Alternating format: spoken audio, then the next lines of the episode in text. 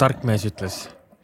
Guatemalas on üks sihuke mees nimega Keith ja kõik teavad tema kakaod. ta on nagu esimene tüüp, kes hakkas kakaot tootma mm. -hmm. ise nimetab ta ennast, ta ise ütleb, et ta töötab kakao spiriti jaoks mm. -hmm. ja ta näeb välja nagu ta oleks juba surnud, ülivana aga siis ta ütles ühe laheda lause, et vot alati tuleb mingi vestluses, ma ei tahaks segada, aga. siis ta ütles, ära muretse, sa nagunii segad lase see tee lahti, igale poole, kus sa sisened, sa tood midagi uut ja sa nagunii murdsid ära selle, mis iganes vana seal oli. nii et ma arvan, et see on äh, loomulik, et ei pea liiga palju stressima, et kuule, ma segasin, pohhui. tere tulemast stuudiosse, Renar. tere. kes sa oled oh,? see on hea küsimus. kuidagi seikleja tuleb äh, praegu mul ilmselt defineeriks ennast selle kaudu, mis mulle teha meeldib. meeldib rääkida, meeldib seigelda, mulle meeldivad väljakutsed ja. ma panin eh, oma insta eh, kirjeldusse, et ma olen mingi spiritual healer in training. ehk siis ma olen nagu mingi hullult noor koer, kes jahib nagu igat asja, hullult kärsitu. tahaks olla mingi vend juba, aga ei ole, ma pean iseendaga veel toimetama nii et ma ütleks, et äh,.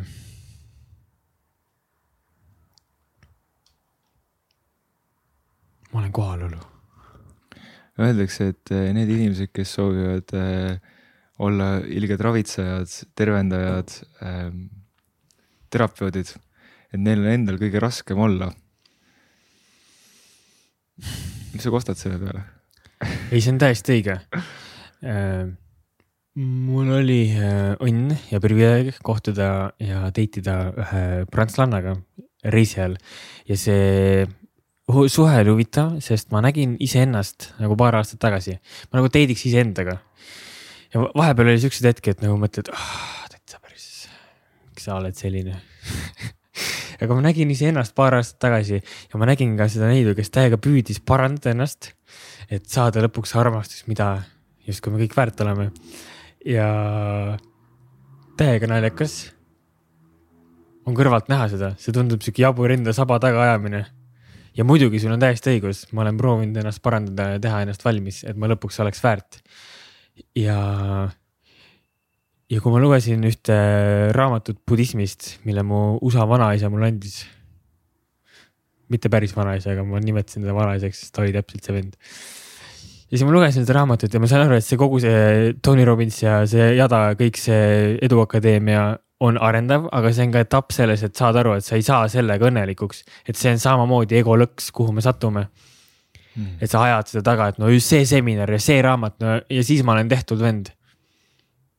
ja see, sellega tuleb meelde kogemus, mis mul, vist peaks mainima ka, et ma käisin aasta aega reisil.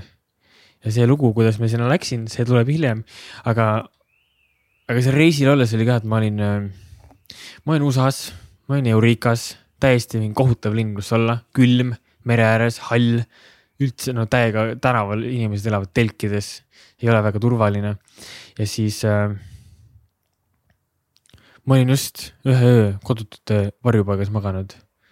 see oli väga ebameeldiv. ja kui tol hetkel ma tulin sealt uksest välja siis ma mäletan, et oli mingi, nad äratasid kell viis ülesse, mingi eriti ebameeldival ajal, kuuest olid õues juba. ja siis kõnnid seal külma tuulega, mõtled, mida ma nüüd teen. nagu mitte kuskil, mingi koht ei ole avatud ja selline täiesti mingi limbo on. ja siis mõtled, okei okay,, eelmine kord, kui ma käisin USA-s, ma käisin Floridas Tony Robbinsi seminaril, maksin mingi jõhkra pleki nagu. töötasin pool aastat niimoodi, et nina oli, noh, veri jooksis ninast. peatasin inimesi kaubanduskeskuses, et palun räägime su pensionist. et ma saaks minna seminarile ja ennast korda teha. ja aitäh kõikidele, kes olid, usaldasid mind oma pensioni asju ajama ma sain minna USA-sse tänu teile. ja tegin selle seminari ära ja teinekord oled USA-s, magad kodutute keskuses, oled oma kahe seljakotiga ja mõtled nagu, et kas ma olen see vend nüüd või.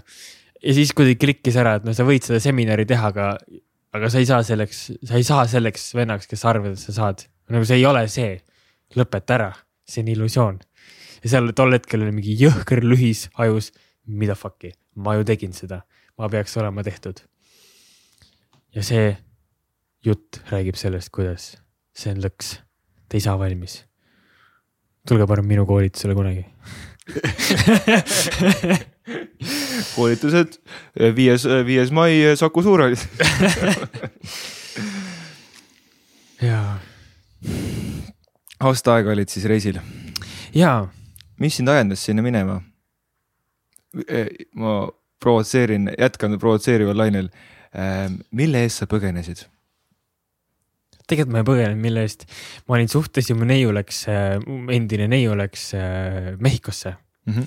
ja siis ma nagu saatsin ära ja mõtlesin, okei okay,, et noh, ma siis vaatan edasi ja siis hakkas mingi tunne tulema, et ma pean Mehhikosse minema, ma pean Mehhikosse minema, mingi väike sosin, kas see oli seksuaaliha või igatsus? mõlemat.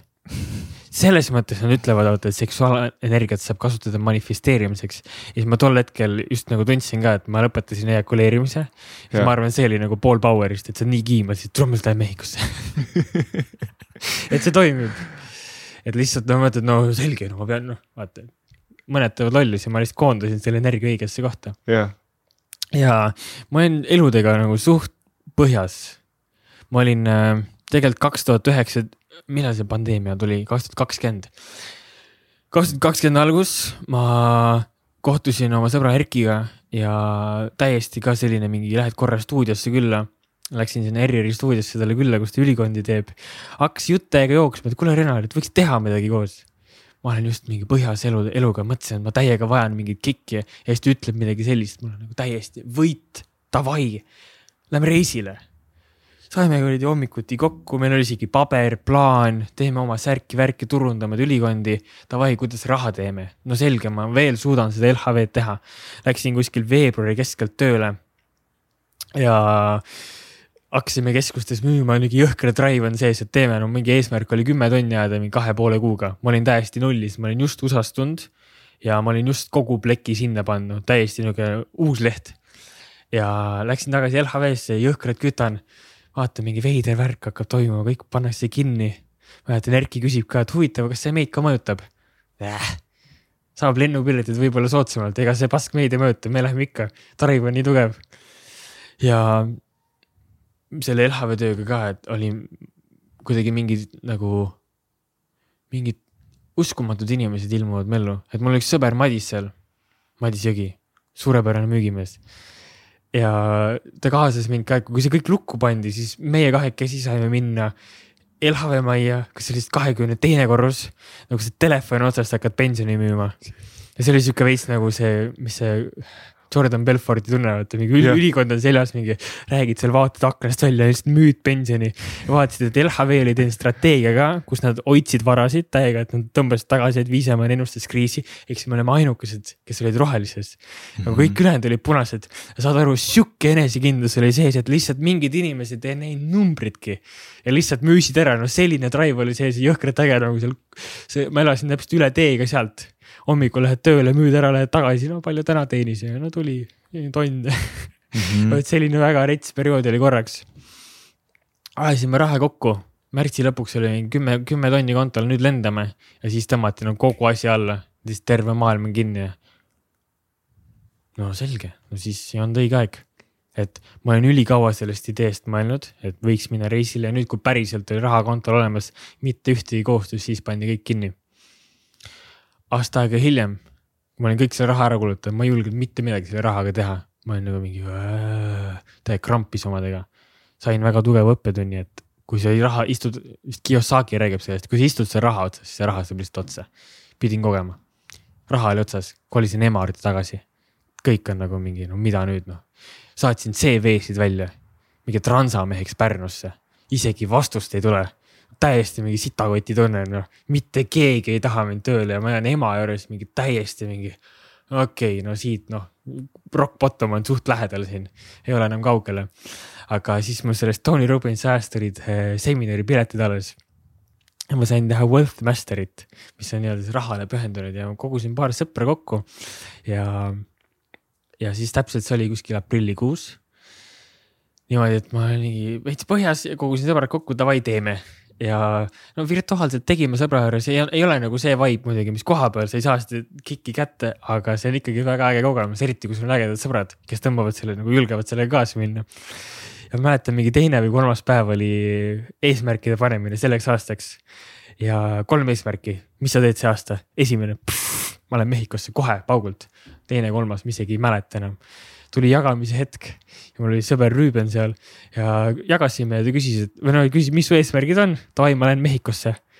ja ta vaatas mulle silma ja küsis, aga miks sa piletid kohe ära ei osta? ütlesin, sõber, mul ei ole raha praegu, nelikümmend euri kontol. siis ta ütles mulle, aga ma ostan sulle pileti ära siis. kakskümmend minti hiljem, mul on pilet Mehhikosse järgmiseks nädalaks ja mul on mingi nelikümmend euri kontol juba higistan ma juba higistan, no selge, aga mul oli no asju kogu aeg, mul auto, mul oli motikas, mul olid trummid, mul on no, kõik, no mingi veits asju, mida saab müüa. ja et siis ma hõõrusin käsi kokku ja ma otsustasin, ma müün kõik maha, mis mul vähegi on. ja see oli väga, väga rets trip, kus sa mõtled, et davai, nüüd tuleb midagi, noh, nüüd veeretame need saatesidäringuid. täiega raske oli neljapäevaks, mingi püha, esmaspäeva öösel või pühapäeva öösel läks lend neljapäevaks. autol õli lekib, motikas, lükkan liivale, Erkiga jookseme motikad käima, no ei lähe, noh, mõlemad mingi, ma mingi, Erki tuleb mingi kingades kohale nagu, jookseme, higistame, motikas käima ei lähe. trummid ka pole müüdud. ja siis mõtled nagu, mingid vennad tulevad autot vaatama, kaks vene mehaanikut teevad kapoti lahti, ütlevad no ei, noh, noh no spasiiva, no igastahes no ma sõitsin Tallinnast kohale, et neil autot näidata ja nad vaatasid kaks sekki seda autot, ütlesid, panid kapoti kinni ja läksid minema. mul on täiesti mingi frustratsioon. ma istun seal liivale ja taga äh,, Erkil ja Pillel oli seal korter, istun seal liiva taga, taga, üritan motikal mingi akut vahetada või midagi mingi, üritan midagi käima saada. Ja siis istun, miski ei toimi, sihuke tunne, et no nüüd on läbi, vaata, et no nüüd läks, istun garaaži najale, veits tahaks nutta panen käed niimoodi siia rinna peale siis ütlen, no universum, et kui sa kuskil oled, palun anna mingi märk, et noh, sa oled veits mulle toeks. siis tuli vana inimene sealt niimoodi vaikselt, vaatas mind, ütles jõudu ja läks edasi siis ei, no selge, davai, toimetame edasi. ja kuidagi said kõik müüdud. auto sai müüdud sõber jättis tsikli maha müüa, trummid said müüdud. panin isegi ma mingi Cashflow lauamängu müüsin maha, no kõik, mis vähegi nagu vaatasid, kurat. kurat, seal klaasil vist võiks mingi okidokis väärtust olla kõik, kõik, et vähegi raha saada mm. -hmm. ja siis mingi kolm pool tonni vist kokku, midagi sellist. ja läksin Mehhikosse, täiesti teadmata, null plaani, Alice uh,, issand, kas ma tohtisin mainida seda, igastahes jah, ma sõitsin neiuga nagu Alice ja, ja ta oli ju seal olemas, nii et see nagu äh, hüpe oli kergem ja ta on hästi julge ka selles mõttes, et ta on äh, kordades julgem kui mina tol hetkel olin. et oli lihtne minna. aga see mõte oli hästi kaua seedinud, nagu hästi kaua. ja kuidagi endale sai ka selgeks, et, äh, et, et need asjad, mis peavad sulle tulema, tulevad nagunii. veits selle podcast'iga oli sama hmm.. ma nagu teadsin nagu, davai, ma tulen siia ja kuidagi nägin, et märgid tulevad, siis ma nagu, ma olin nagu vaata kärsid tulevad, nagu Taavet teen podcast'i, fuck. nagu vaata lahedam oleks, kui sa kutsuks ise, ma ei suutnud, ma olin mingi, tahan podcast'i tulla. kui sa seadsid endale eesmärgi, et sa tahad Mehhikosse minna, siis see tuleb minu enda mingite kogemuste pealt või siis mul on alati mingisugune visioon. et mis ma või noh, et mul on mingisugune pilt jookseb ees et kui ma jõuan sinna Mehhikosse, minul oli see Tai, et kui ma jõuan sinna Taisse, mis mul vastu vaatab, mul vaatasid seal palmid, mul vaatasid seal äh, mind, mind ootab mingi joogastuudio ja kõik inimesed on, et oh, David, nii tore, et sa tulid, teeme nüüd nalja, oh, sa oled kõige lahedam vend, see oli mu ettekujutus, et see juhtub või kui ma lähen kloostrisse, siis kõik on niimoodi, et vau, et nii sellist meditatsiooni guru ma pole kunagi näinud, kes esimest korda tuleb ja kohe mediteerib ja on nii, noh, see oli minu mingisugune visioon. mis oli sinu pilt, mis sa, mida sa ootasid? see kõik käis vist nii kähku, et mul ei jõudnud ootusi tekkida. mul ei olnud aega selle peale mõelda, et mis seal ootab mind. et selles mõttes see oli puhas leht mm. -hmm. aga mul on huvitav küsimus, nagu et naljakas, kui sa rääkisid seda, et sul on nagu ootus, et inimesed vaatavad sind. Kas sul on ka hästi palju, mulle tundub, et sulle on tehtud komplimente, et vau, David, nii noor ja nii teadlik loomulikult, loomulikult ja see on sõltuvust tekitav. et noorelt ma tegin äri ja ma olin alati igas ruumis kõige noorem, mm. -hmm. mingi viiekümne aastaste juures, ma olin kakskümmend, jess. mind huvitab, kas see on mingi teeniv muster või mitte. ahah, lükkame, teeme laua pöörame teistpidi hmm,. see ei ole teeniv muster, sellepärast et, et iga kord, kui ootus tuleb, järgneb sellele pettumus, sest et, sest reaalsus on alati midagi muud kui ükskõik, mis ma ootan. isegi kui ma ootan, no ükskõik, mis pilt ma maalin tulevikust, siis, siis reaalsus ei saa olla selle vastav, sellepärast et reaalsuses on nii palju erinevaid aspekte. näiteks, et praegult siin podcast'is mul on võib-olla mingi ootus, et sinuga on tore rääkida ja ongi, aga, aga samal ajal on palav ka. Samal ajal äh,, samal ajal ma unustasin deodoranti panna hommikul ja ma tunnen, kuidas mu kaenlaalused lähevad higi täis ja, ja, ja ma hakkan mingi hetk haisema. ja, ja näed, et, et see hoolimata sellest, et see ootus täitub, on e- endiselt mul võimalus pettuda selles Mm. olukorras, et see ei ole siis ideaalne, ehk siis täpne ootusele vastavus.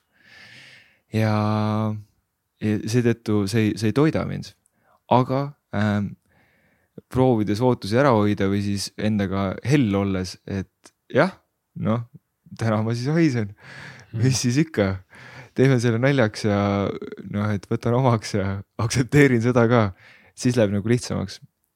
aga kas pettumus mingi emotsioon, mis on äh, tihti esinev su elus? ahah, kusjuures väga huvitav, et sa küsid, et need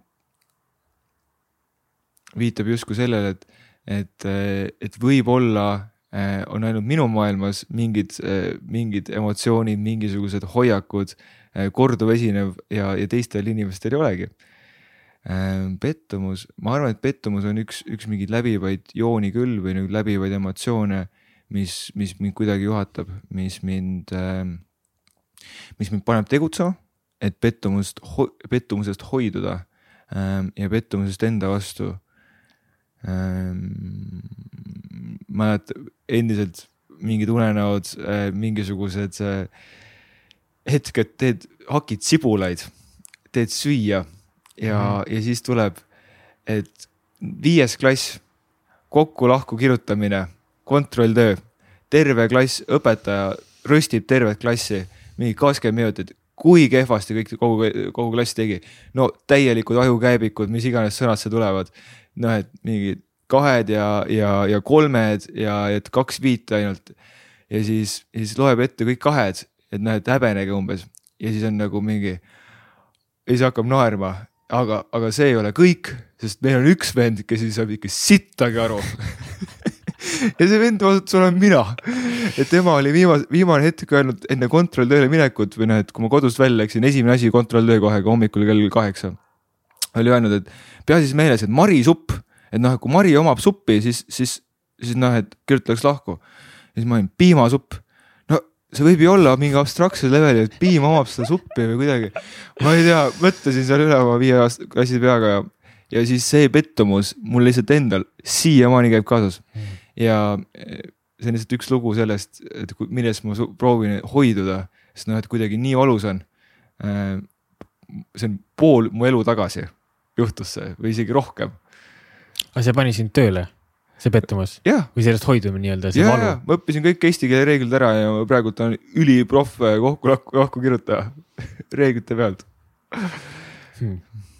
see tekitab huvitava küsimuse, et mis siis, kui see pettumus kaoks ära, siis tuleks vabadus. mis siis juhtub? aga ma kujutan ette, et kui see pettumus kaob ära, mis sind siis tööle paneb? See on hea küsimus, et ähm, kui dominantne äh, siis nihuke jooksutaja või see porgand, porgand mm. -hmm. mu nina ees, mille ees ma jooksen, siis, siis tuleb lõpuks kaalikas sealt välja või noh, või noh, ilmselt, ilmselt miski, miski emotsioon või mingisugune trigger point ikkagist jah. see on, ma tean nagu koomiku perspektiivist, ma ei mäleta, kes see rääkis seda. Ah,, see on see mingi multikas, kus ta rändab mingi galaktikate vahel, paneb selle pea sinna tussi vahele ja siis lendab mingi. Midnight Gospel, Midnight Gospel, kõik, vaadake Netflixis, Uncle Trussell, kõige lahedam asi üldse. kõige lahedam sari, ma, ma olen kümme korda seda vaadanud või kakskümmend, ma kõiki osasid või? kõiki osasid. Ma, ma kuidas, sul aega tööd teha on? ei, mind ei koti töö, ma vaatan seda nagu umbes sel hetkel, kui ma hakkan seda vaatama, ma olen nagu, ma, ma ei vaata isegi muud, muid seriaale, ma olen nagu mingi nope, nope Hmm. ma pean vaatan seda. okei okay.. kas seal oli mingi lahe episood, kus seda, mäletan, tükeldasid mingi masinad käisid sul jah ja siis seal rääkis üks ka mingi kirjutaja vist rääkis mm. -hmm. mm, nagu kui sinu töö on olla naljakas, kas kirjutada, koomik olla, mis iganes, siis Ego räägib selle lugu, et kui sa terveks saad, siis sa kaotad oma selle võime olla naljakas. täpselt, sest praegu sa teed ju nalja iseenda kulul, aga kui sul ei ole enam mitte midagi, millele ennast röstida, ma ei ole naljakas enam. ja märkan, et, et lihtsam on sinu pealt märgata, minul on mm Mhm. -hmm. viha selleks, ma jah, saan hullult vihaseks. ja see on näiteks asi, et, et juhtugu sama sündmus, keegi tuleb siia uksest sisse või oksendab siia, mina saaks vihaseks, no oksendab siia laua peale, mingi täiesti jörr, kes Ja. see peaks siin olema.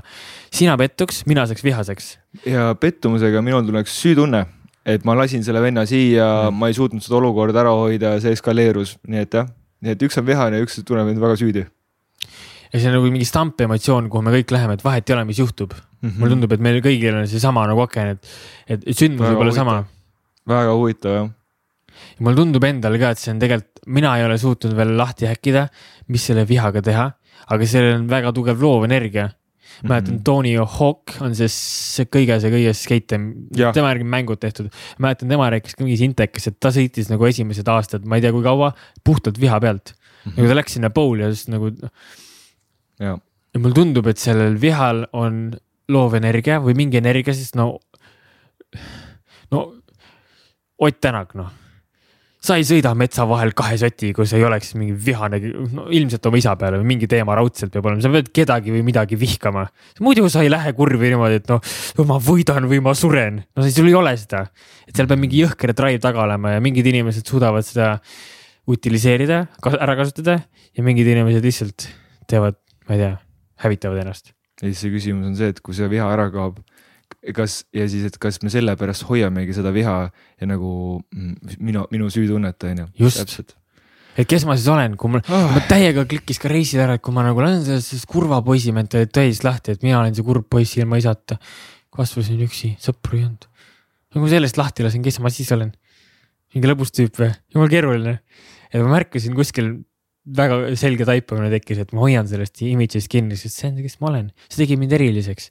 inimesed tundsid kaasa mulle. aga kas ma tohin küsida selle isa kohta? jaa, küsi, küsi. et see tegi mind eriliseks mm. -hmm. ja veits on ikkagi seda alles veel. kui lennukirattad maandusid Mehhikosse, trummi ma pakun. Äh, Mexico City ja siis lendasin otse Guatemala City'sse. okei, alustasin Guatemalast juba. Guatemalast ja ma ei tea, miks nii läks. lennukirattad puutuvad Guatemala City ähm, asfaltteed, kuum, kruusad. kruusad, räägime Guatemalast. ei, tegelikult on asfalt, lennujaamas on asfalt. lennujaamas on asfalt äh,, avaneb see konditsioneeritud äh, lennuki uks äh,, kuum õhk paitab su higist, higist pihta ja, Pihku. hääletad valesti. ja, ja siis su tüdruksõber, tolleaegne, on lennujaamas vastas. Ei. see on liiga pikk distants, et see ei ole praktiline. okei okay., ilmselt, mis ma üritan teha, on, et mis tegema hakkasid seal? me küsida, et mis, kuidas, kuidas rahti rullus su reis? hmm.. esiteks lennujaamad on juba nagu stressful, mulle ei meeldi, et mind skaneeritakse läbi. Veel ei katsuta anust läbi, aga mul on ka aasta ja kaks anna veel, siis sa pead see paljaks võtma raudselt mul on juba stress, Mehhiko City'st mingi tädi ütleb, ma ei lase sind lennu peale, sul pole tagasisõidupiletit. mida? aga kuidagi nagu mingitel hetkedel on drive nii tugev, et sa tead, et see saab tõeks, suva, sõidad läbi nagu mind ei huvita, mis toimub. ja sain lennuki peale ja mäletan, kui ma maandusin. see oli ka täiega üliärkvel olla, Never pole kunagi sihukest reisi teinud ja. Ma nagu viskaks pooleldi ka mingeid reisinõuandeid siin, kui ma vahepeal need vead, mis ma tegin. ärge kunagi vahetage lennujaamas sularaha endale, ärge vahetage liiga palju seda, sest ma vahetasin mingi, mingi tuhat euri, ma ei tea, miks ma seda tegin, täiesti taun ja siis ma ei, nägin nagu juba lennujaamas mingi kaks mingit hipipiffi olid, juba mingi tunne ütleb, kuidagi nagu mingi tähelepanu tõmbab sinnapoole. ja lõpuks jagasime taksot ja ma sain nagu põhimõtteliselt sinna, kus mul vaja oli, koos nendega jagasime Mhm. taksot, et kuidagi mingi tunne nagu drive'is sinnapoole. ei saanud aru, mis see on. ja võtsime takso, sõitsime kohale ja siis jõuad kuskile mingi väiksesse linna pimedas seljakotiga. mul on mingi tuhat euri kotis, sularaha, arvutiga, miks ma teen siukseid otsuseid, kas ma sellepärast tulingi siia, hullult kartsin, rämedalt kartsin. Ja siis otsid selle äh, Alice oli võtnud hosteli ja siis või hotelli, ma ei mäleta. ja siis äh, läks, lähed otsid seda, hullult kartsin, rämedalt pimedal tänaval ja lõpuks jõudsid kohale ja täiega fun oli. või kuidagi selline mingi lõdvestumine tekkis, et nüüd olen mingis kohal. sa läksid siis kuskile järve kaldale, kus kõik need tipid käivad või? ja see Lake Atitlan, kus, kus kõik äh, spirituaalsed inimesed äh, mm. -hmm. teevad kakaotseremooniaid liiga palju ühes kohas. ja puua trapeedia teevad kakaod, mina olen aru saanud niimoodi. no seal sa puhuvad muud asja, tõmbavad muud asja ja, ja seal tehakse kõike, kõike, mida sa tahad, kõike sealt saab. mm -hmm. esimene hommikul täiega naljakas, kõnnime rannas. vaatad järve poole oh,, vaata, mingi mees päevitab seal naljakalt niimoodi, et ta nagu vee ääres, kõhuli, käed on niimoodi laiali. vaata, surnud inimene. oota, see on politsei, tõmbavad linte, oota, ongi surnud inimene esimene päev rannas kohe. aa, selge, ju siis, aga hommikusöök oli mega hea äh, kaks asja, mis on meeles. ja no see on, hommikusöök on täiega on, see oli ta, nagu to, esimene kokkupuude tortillaga, mida siin ei saa, täiega teine maitse. see on see omlett või? ja ei, See see on nagu see Hispaania see- maisileib. Vaata, see on see, nad teevad takosi nendest, aga see tortilla siis nagu millest nad seda takot teevad. ja siis on, vaata maiad olid maisirahvas, nad hak- tegid maisi nagu igast august, kes vähegi sai ja siis neil on hästi tähtis see, nad söövad kogu aeg maisi, okay. liiga palju maisi minu, minu meelest okay.. et see, see on see Hispaania tortilla, mis on mingisugune omlett lihtsalt kartulitega. see on mingi teine asi. ja, ja davai, davai, maisiga. ja seal on see platano, mis on nagu banaani isa. Jah. nagu suurem, aga nad praevad selle ära, see on Just. ka üks maitse, mida siin ei saa. ja täiega harjumatu oli alguses mm. -hmm. ja see on nagu huvitav märgata ka, kuidas äh, nagu see maitse algus ei meeldinud ja märkasin, kuidas reisi lõpus see maitse meeldis, sest see meenutas mingit aega. oo, ja, isegi nagu mäletan, kui ma sõitsin näiteks taksoga sinna esimesse kohta, rekkad on ülivaljud seal, nad pidurdavad käiguga ja siis nad tõmbavad nagu räigelt mürisevad mm. Mhm. -hmm. siis mäletan mingi paar kuud hiljem sõitis see rekka mööda ja siis märkasin, kuidas see, see heli tekitas mingi väga tugeva emotsiooni nagu mingi elevust Mhm. mingi vau, rekka hääl, no mingid lõhna ja häälemälud eh, talletavad kehasse, selline kogemus oli hmm.. tunnen, et tahaks eh, midagi õpetlikku rääkida ka. kuidagi tunnen, et. ma märkan ja, et äh, tekib mingi tunne, et kas see, kas need asjad, mida ma jagan sellest reisist on olulised. mina olen sinuga kaasas. mul on Jah. väga hea olla, nii et sul on mingi rets kohalolu ka nagu sul ka. veits tõmbab nagu mingi härdaks seest, tavaliselt olen mina see inimene, kes vaatab inimesi, ei pööra pilku ära. aga David on lihtsalt nagu, vaatab silma, ma ei kavatsegi eemale vaadata. Mina olen võtnud aja sinu jaoks. mul pole kuskil mujal olla. ja, aitäh selle eest.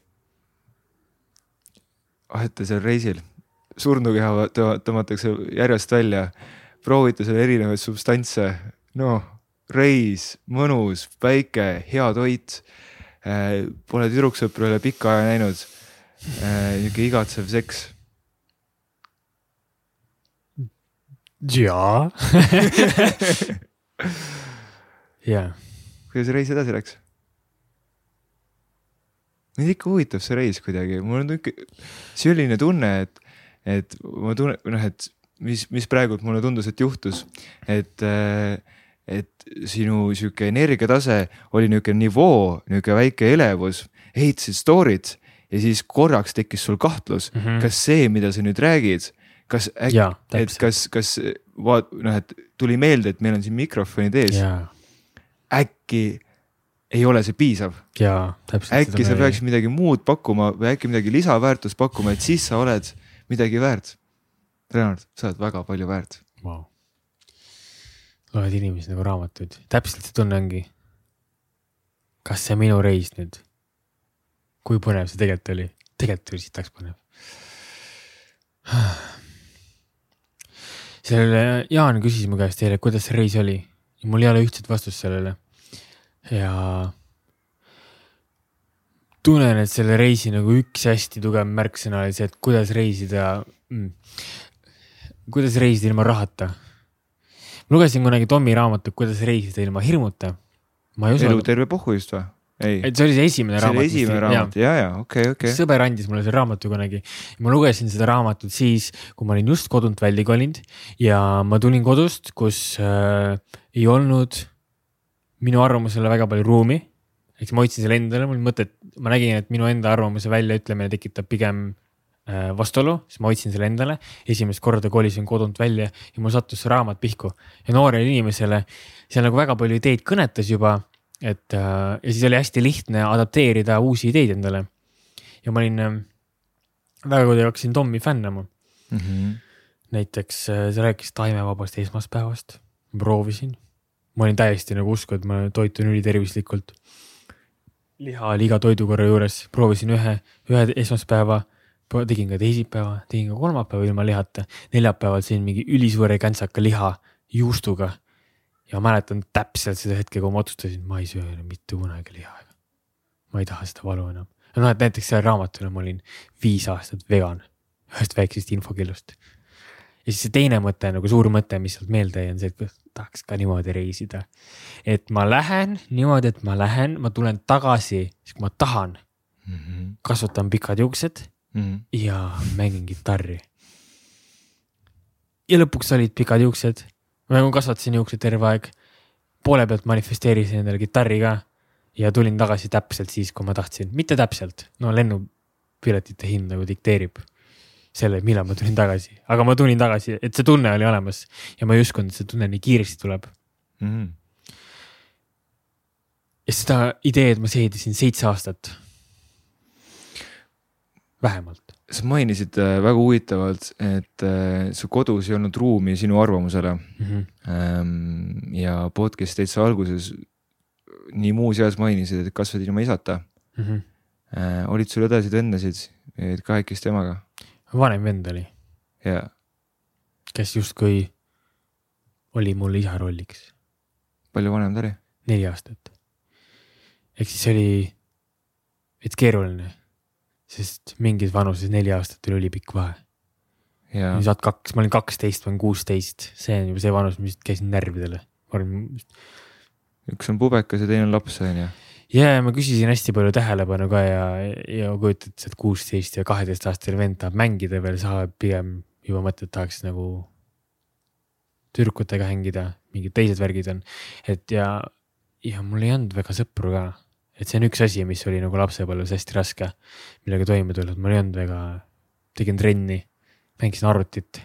no ja muidugi siis noh, netiavarustest leiad mingi porno ülesse, mingis täiesti augus. ja mõtled nagu mina, ma, ma tundsin nagu ma kannan mingit saladust kaasas endaga selle pornoga. et ma nagu mingi, keegi praegu paneks mulle relva kuradi näkku ja ütleks, mis su saladus on? porri vaatan ei olnud nagu kõige ägedam lapsepõlv nagu see põhikooli aeg oli tegelikult väga raske isegi. et koolis oli ka tegelikult väga raske. Äh, meil oli väga raske klass, väga koolikiusamist oli päris palju, väga palju.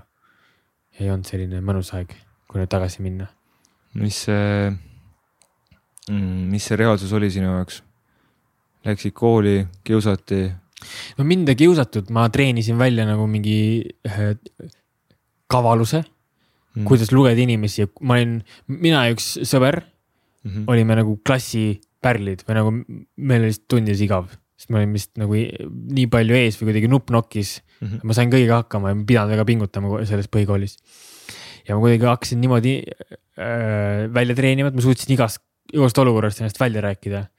et kui kunagi kõndisin koju ja siis üks tüüp, kes oli ka nagu selles nagu pundis, oli tee peal vastas ja ma nägin, et ta ei otsi nagu ta ei taha minuga nagu juttu rääkida, ta, ta tahab oma seda high kick'i harjutada mm. -hmm. ja kõnnin vastu ja mõtlen, noh fuck, täiega käsi väriseb ja ma kuidagi suutsin sellest nagu mööda rääkida ennast. ja ma suutsin nagu maha rahustada täpselt niimoodi, ma suutsin olukorrast ära minna. ja see on üks asi, mille ma arendasin välja, kuidas ellu jääda sõnadega.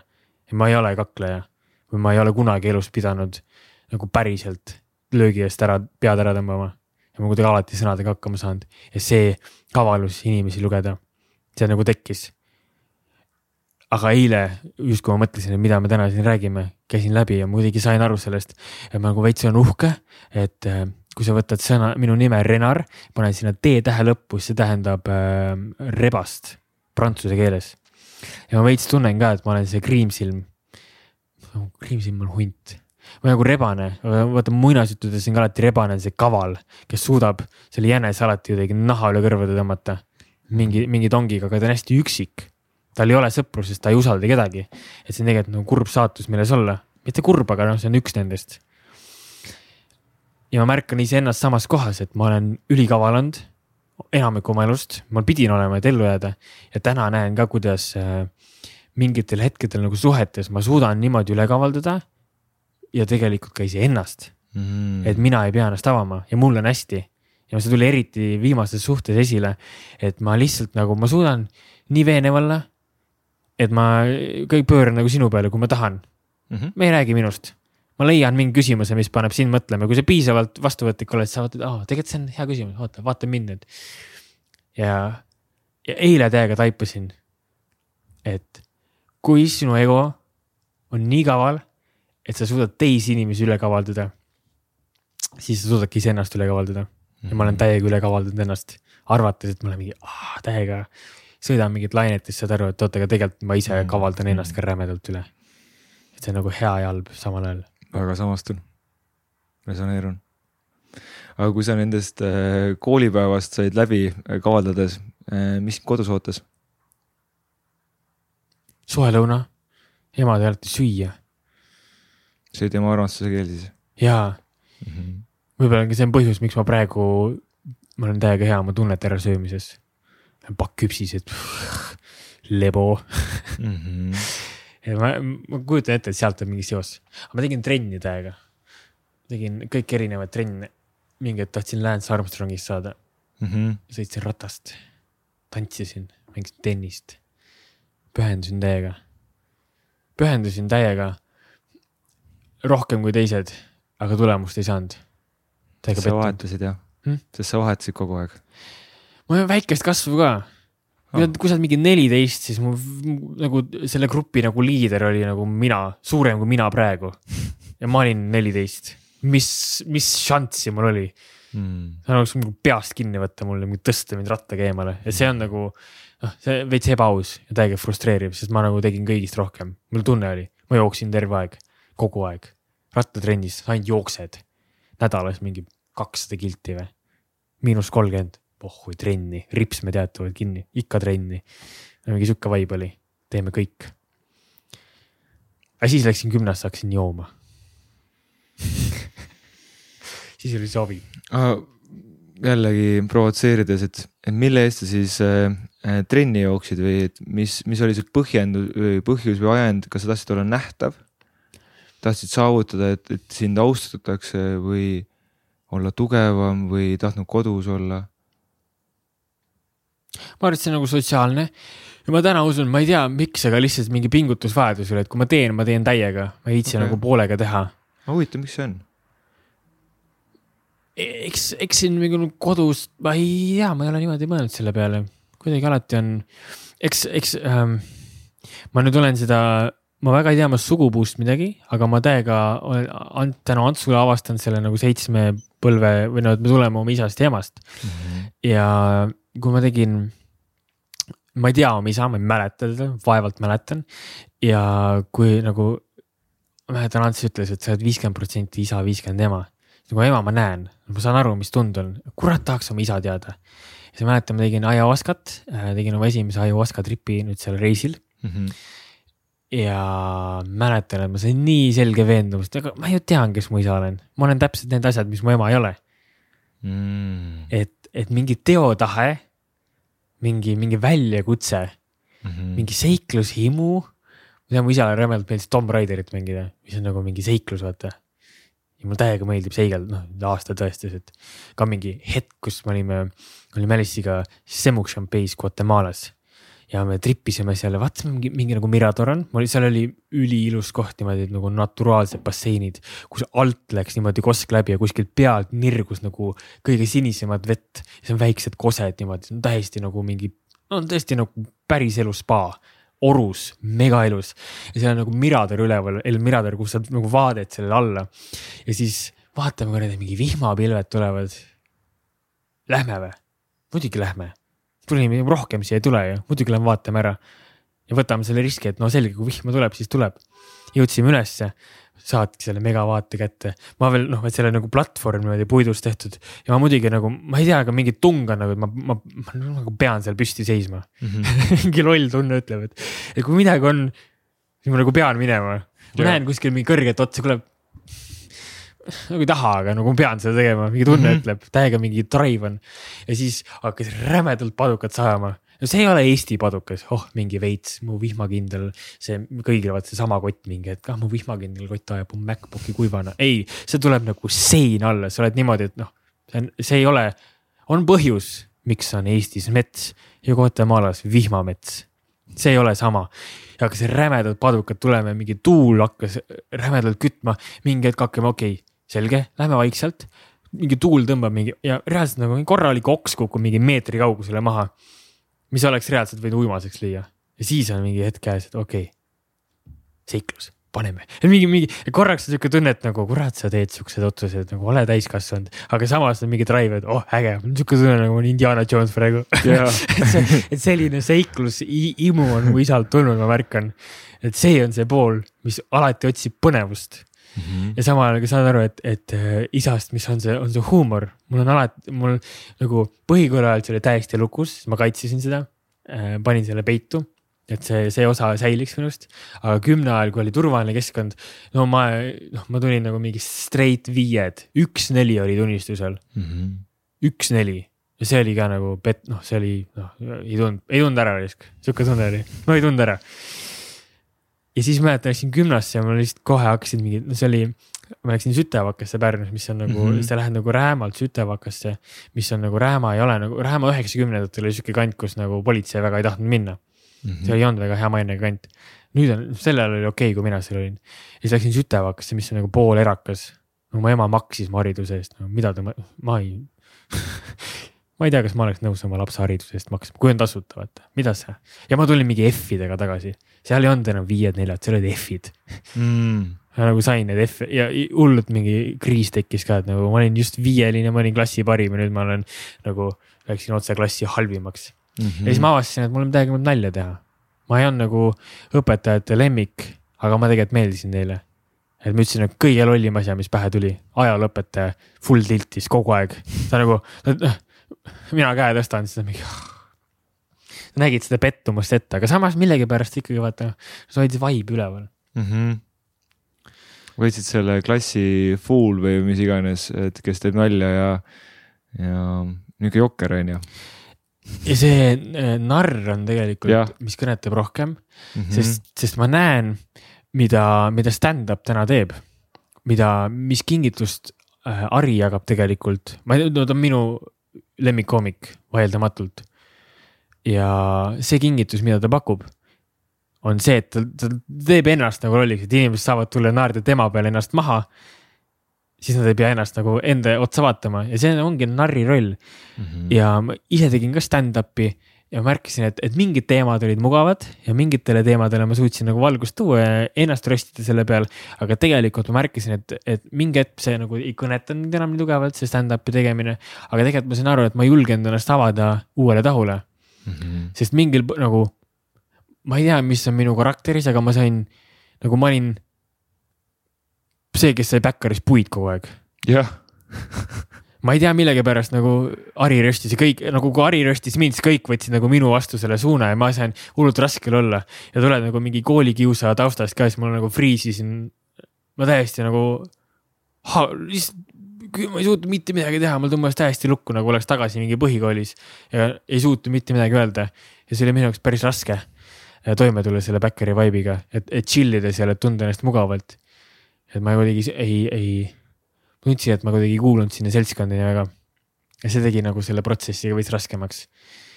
et äh, kõik tahavad olla rokkstaarid, aga kui sa protsessi ei suuda nautida, siis ära tee seda. Mhm. ja samas ma nagu täna mõtlen, kas ma peaks nagu tagasi minema, mul tegelikult nagu reisi ajal tekkis ka ideid, mida kirjutada. et kui sinna mindset'i saada, siis mis see vahe on, see, et ma hakkasin pidevalt elult küsima, et aga mis siin naljakat on ja mis siin naljakat on. Ricky Gervais, kes on mulle väga suureks eeskujuks.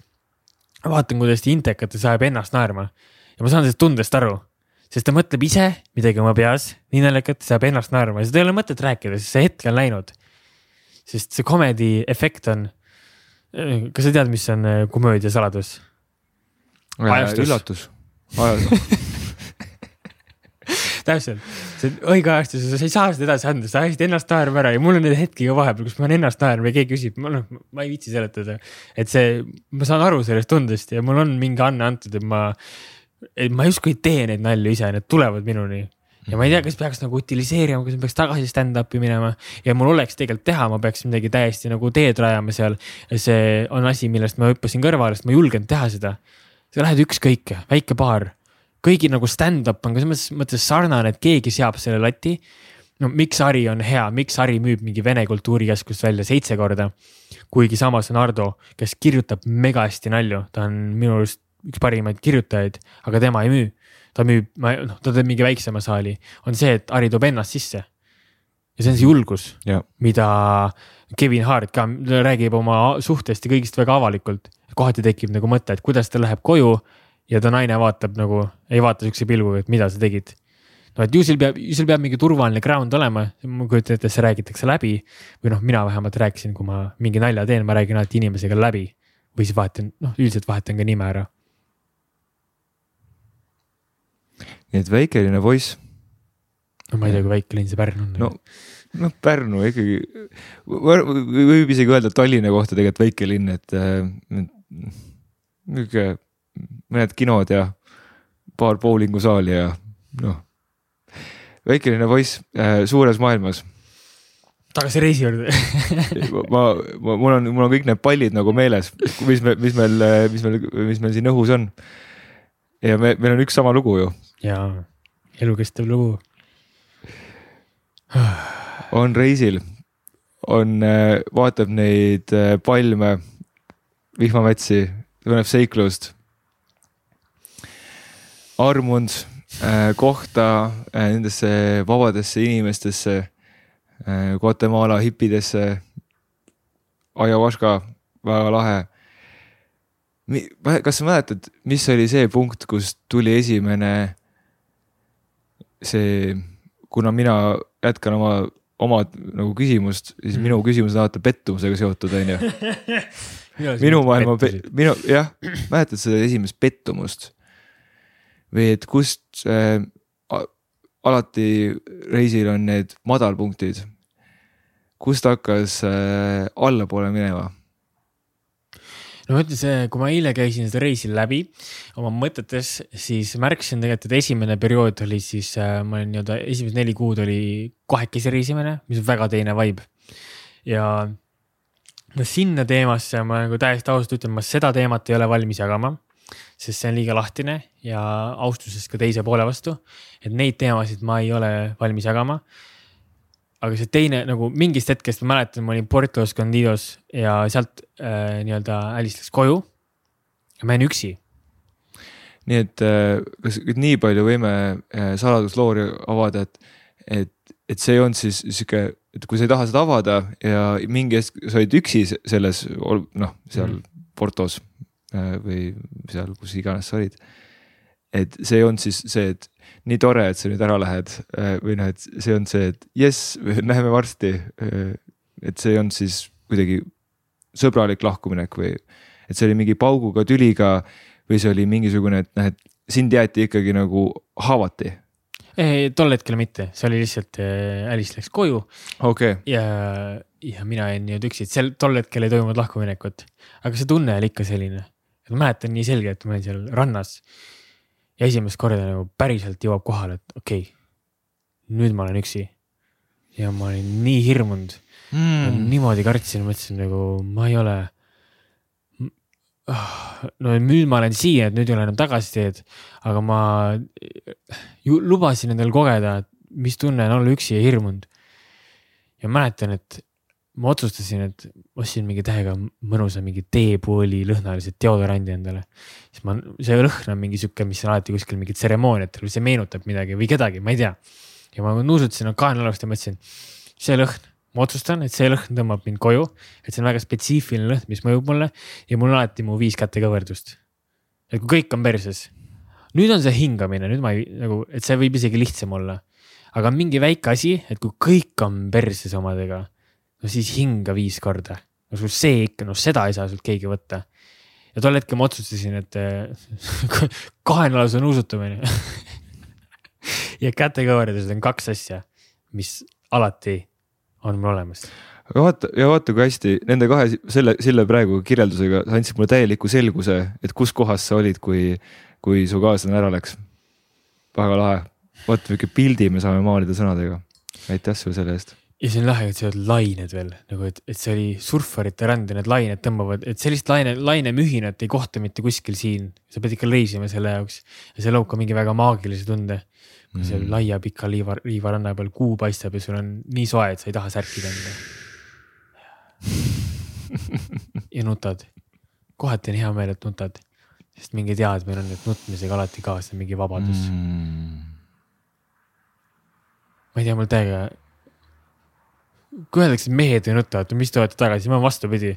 ma tunnen, mingi nutt tuleb, on mingi, no panen pisara, hakkab kerima no praegult hakkab kerima isegi jah. kuidas? praegult hakkab isegi kerima mm. -hmm. sealt nagu kõige ägedamad asjad, mis kunagi nagu reisil juhtuda saavad või üldse elus juhtuda saavad, on need asjad, mida sa ei oota. ja mingist hetkest mina, see nüüd juhtus küll reisi hilim, hilisemas perioodis, aga ma enam ei hakanud manifesteerima asju endale või ma nagu ei hakanud seda tunnet ma hakkasin tund läbi tunde manifesteerima ja see, ma ei ütle, et see on õige ega vale, vaid igalühel oma. mina ei lähe nendesse detailidesse, et ma tahan täpselt sellist maja, täpselt sellist naist, mul ei ole vahet. ma hakkasin läbi tunde seda tegema. mäletan, et ma saatsin veel Alice'i lennujaama ära ja siis mul oli mingi, noh, selge. ma teadsin, kuhu ma minna tahan. Ja ma kuidagi teadsin, ma nagu rohkem teadsin tunnet, mida ma tahan tunda. ja siis lennujaama ukse juures nägin, et mingid äh, kaks neidu viskavad ühe tüübi seljakotiga maha, no justkui kedagi nagu drop-off ivad onju. siis läksin, küsisin, kuule, kas te saate mind siia Puerto kesklinna ära visata? muidugi saab, istu peale.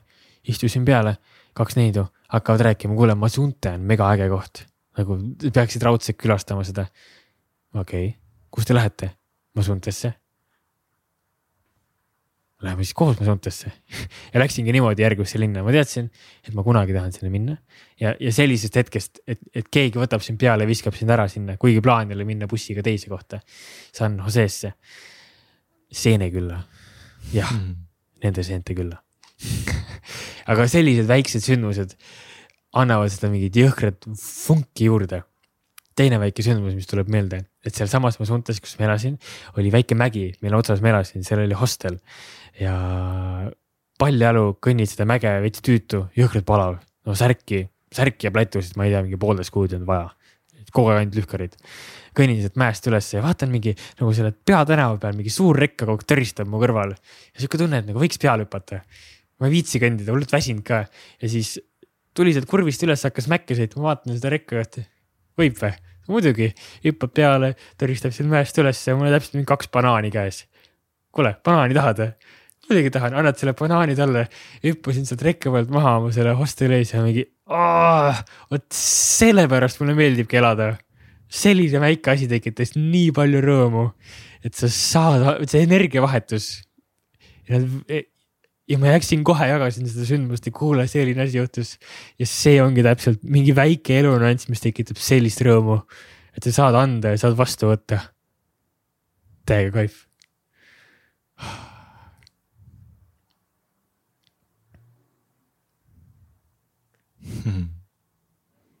väiksed asjad elus. jaa. muidugi Mart, sõber Martin Raadik just ütles ka, et äh, et abi küsimine ja abi vastuvõtmine on täiega mingi bondiv teema, vaid see mm. -hmm. ma kõlasin nagu mingi milleeniumi laps praegu, igastahes abi vastuvõtmine ja abi küsimine on väga. ühendav. ühendav. ise aitan täiega hea meelega. Mäletan, Martin küsis, kuule aita mingi külmik ära viia Maarjast. no problem, muidugi aitan, hea meelega veel, aga ise abi küsida, kuule, kas ma tänase juurde ööseks saan, mul mind kõhkleb mm. -hmm. ja ma tunnen ka, et see üks väga tugevaid reisiõppetund oli see, et võta vastu mäletan, kuulasin Antsu poolt, noh, ma võib-olla nagu Antsu kuulanud päris palju, ma olen jälginud teda. respektin täiega teda, kuigi ma ei nõustu mingite teemadega, mis ta räägib, ma austan, sest ta täiega own ib seda, mida ta räägib. vahet ei ole, mida ta räägib, aga tüüp on väga enesekindel, väga imetlen. ta rääkis, et kuidas ta tegi mingi haigeks ja siis tuli mingi mees ja viis ta kuradi Viimsisse koju. tegi terveks, maksis mingid, maksis mingid arved tal ostis, maksis mingi auto sissemakse ka tal veel. siis mõtlesin, oh, tahaks ka, tahaks ka, et keegi tuleks ja aitaks mind. Muidugi võtan selle vastu, kui tuleb. ja siis, kui päriselt tuleb, siis hakkad aru saama, et kui päriselt on selline tunne, et sõber maksab sulle hotelli kaheks, hotelli basseiniga kaheks nädalaks kinni. mingi, oota, oota, mis, mis, oota, kuidas, tekib mingi kõhklus mm, -hmm. et et, et täiega, täiega saan aru sellest, et äh, vot saame täpselt nii palju, kui me vastu võtame mm. -hmm. ja mul ei ole mingeid jõhkraid tarkusi rääkida, ma ei tea, nagu võib-olla ma ei avarda seda pilti nii palju, sest ma mingi hetk sain aru, et, et mul oli kaks sõpra seal, kes olid liiga palju hapet teinud, ütlen ausalt mm. -hmm. et see juhtub, kui sa teed liiga palju, avardad oma mõistust, ega keha ei tule kogemusega järele mm. -hmm. ja ma nägin, kuidas poisid, te mängite jumalaid siin ta ei saa niimoodi. ja nad veensid korraks mind ära, et saab küll. ja siis ma jätsin kõik oma praktikad kõrvale, mõtlesin, aga selge, ma siis ka sõidan sama lainet. Ja ma ütlen, ma pole kunagi vist siuksesse auku kukkunud, ma olin nii õnnetu järsku, mul mingi jumala sitt tunne on jälle. mis tegite siis? tegite hapet nädal aega järjest või? ei teinud, me ei tee, vist mingi ühe korra seal Seene külas tegime. väga ei teinud nende tüüpidega. aga mis nagu juhtus, on see, et ma sain nagu idee et sina oled ju tõeline olemus. sul ei ole vaja mitte midagi, pigem koori maha, on lihtsam. kõik, mis juurde paned, vajab energiat. ja tead, sa ju tahad olla päris sina, mitte mingi harjumuste kogum. tundub loogiline mm. ma kukutasin ära kõik harjumused, mis tekitasid hea tunde mulle ja ma olen siis mina. olen siis mina, tõeline olemus. ja tõmbasin täiesti auku ennast sellega justkui kaotasin ära kõik tööriistad, ma ei kasuta neid, ma keeldusin kasutamast, sest ma ei taha, ma ei taha olla mingi harjumus, ma ei taha olla mingi see vend. ma pean kell seitse ärkama, et ennast hästi tunda. ja sain aru, et see ei toimi niimoodi, sest see keha ei tule järele sellele. Sa võid arvata, sa võid teada, kui su kehal ei ole kogemust, saa mitte midagi teha. ja see on huvitav äh, tõekspidamine, mis ma sain ka äh,. mul tekkis üks õpetaja aga ta räägib mulle läbi Youtube'i, ma, ta ise ei tea, et ta mu õpetaja on. ja ta räägib väga tarka juttu. miks sa, tegelikult ütleme niimoodi, et, et see, kuidas ma valin õpetajad, on läbi kehalise tunde. Kui räägib midagi ära ja mul tekib kehas mingi, oo, mine pekki, kui hea. siis on õige. ja ta ütles väga huvitava lause, et äh, see ei ole sinu tripp. see ei ole sinu rännak. sina ei ole nii tähtis selles loos, nagu sa arvad, et sa oled ja sina, kellega ma räägin, see silmade taga, kes, kes mind praegu kuuleb. sa arvad, et sa tulid siia, see on nagu, et sa lähed sõbra sünnipäevale ja sa arvad, et mingi hetk sa nagu väike laps, sa lähed sõbra sünnipäevale, siis sa eksi, ekslikult arvad, et see on sinu sünnipäev. ei ole. sest kui me sünnime siia, kas sündisid sina kui teadus või sina kui keha? keha. kui sureb, kui sa sured, kas sureb sinu teadus või sureb sinu keha? sureb keha kui sa teed kõike mõistusega ja kehale ei meeldi, mis juhtub? väsid ära, väsimust ei kuula, jääd haigeks ja kui seda ka ei kuula, no siis proovid uuesti järgmises elus. ja see, ja ta ütles, et see ei ole sinu tripp, see on sinu keha ja sina oled lihtsalt spirituaalne nõuandja sellele kehale. siin maailmas. ära arva, et sa oled nii tähtis.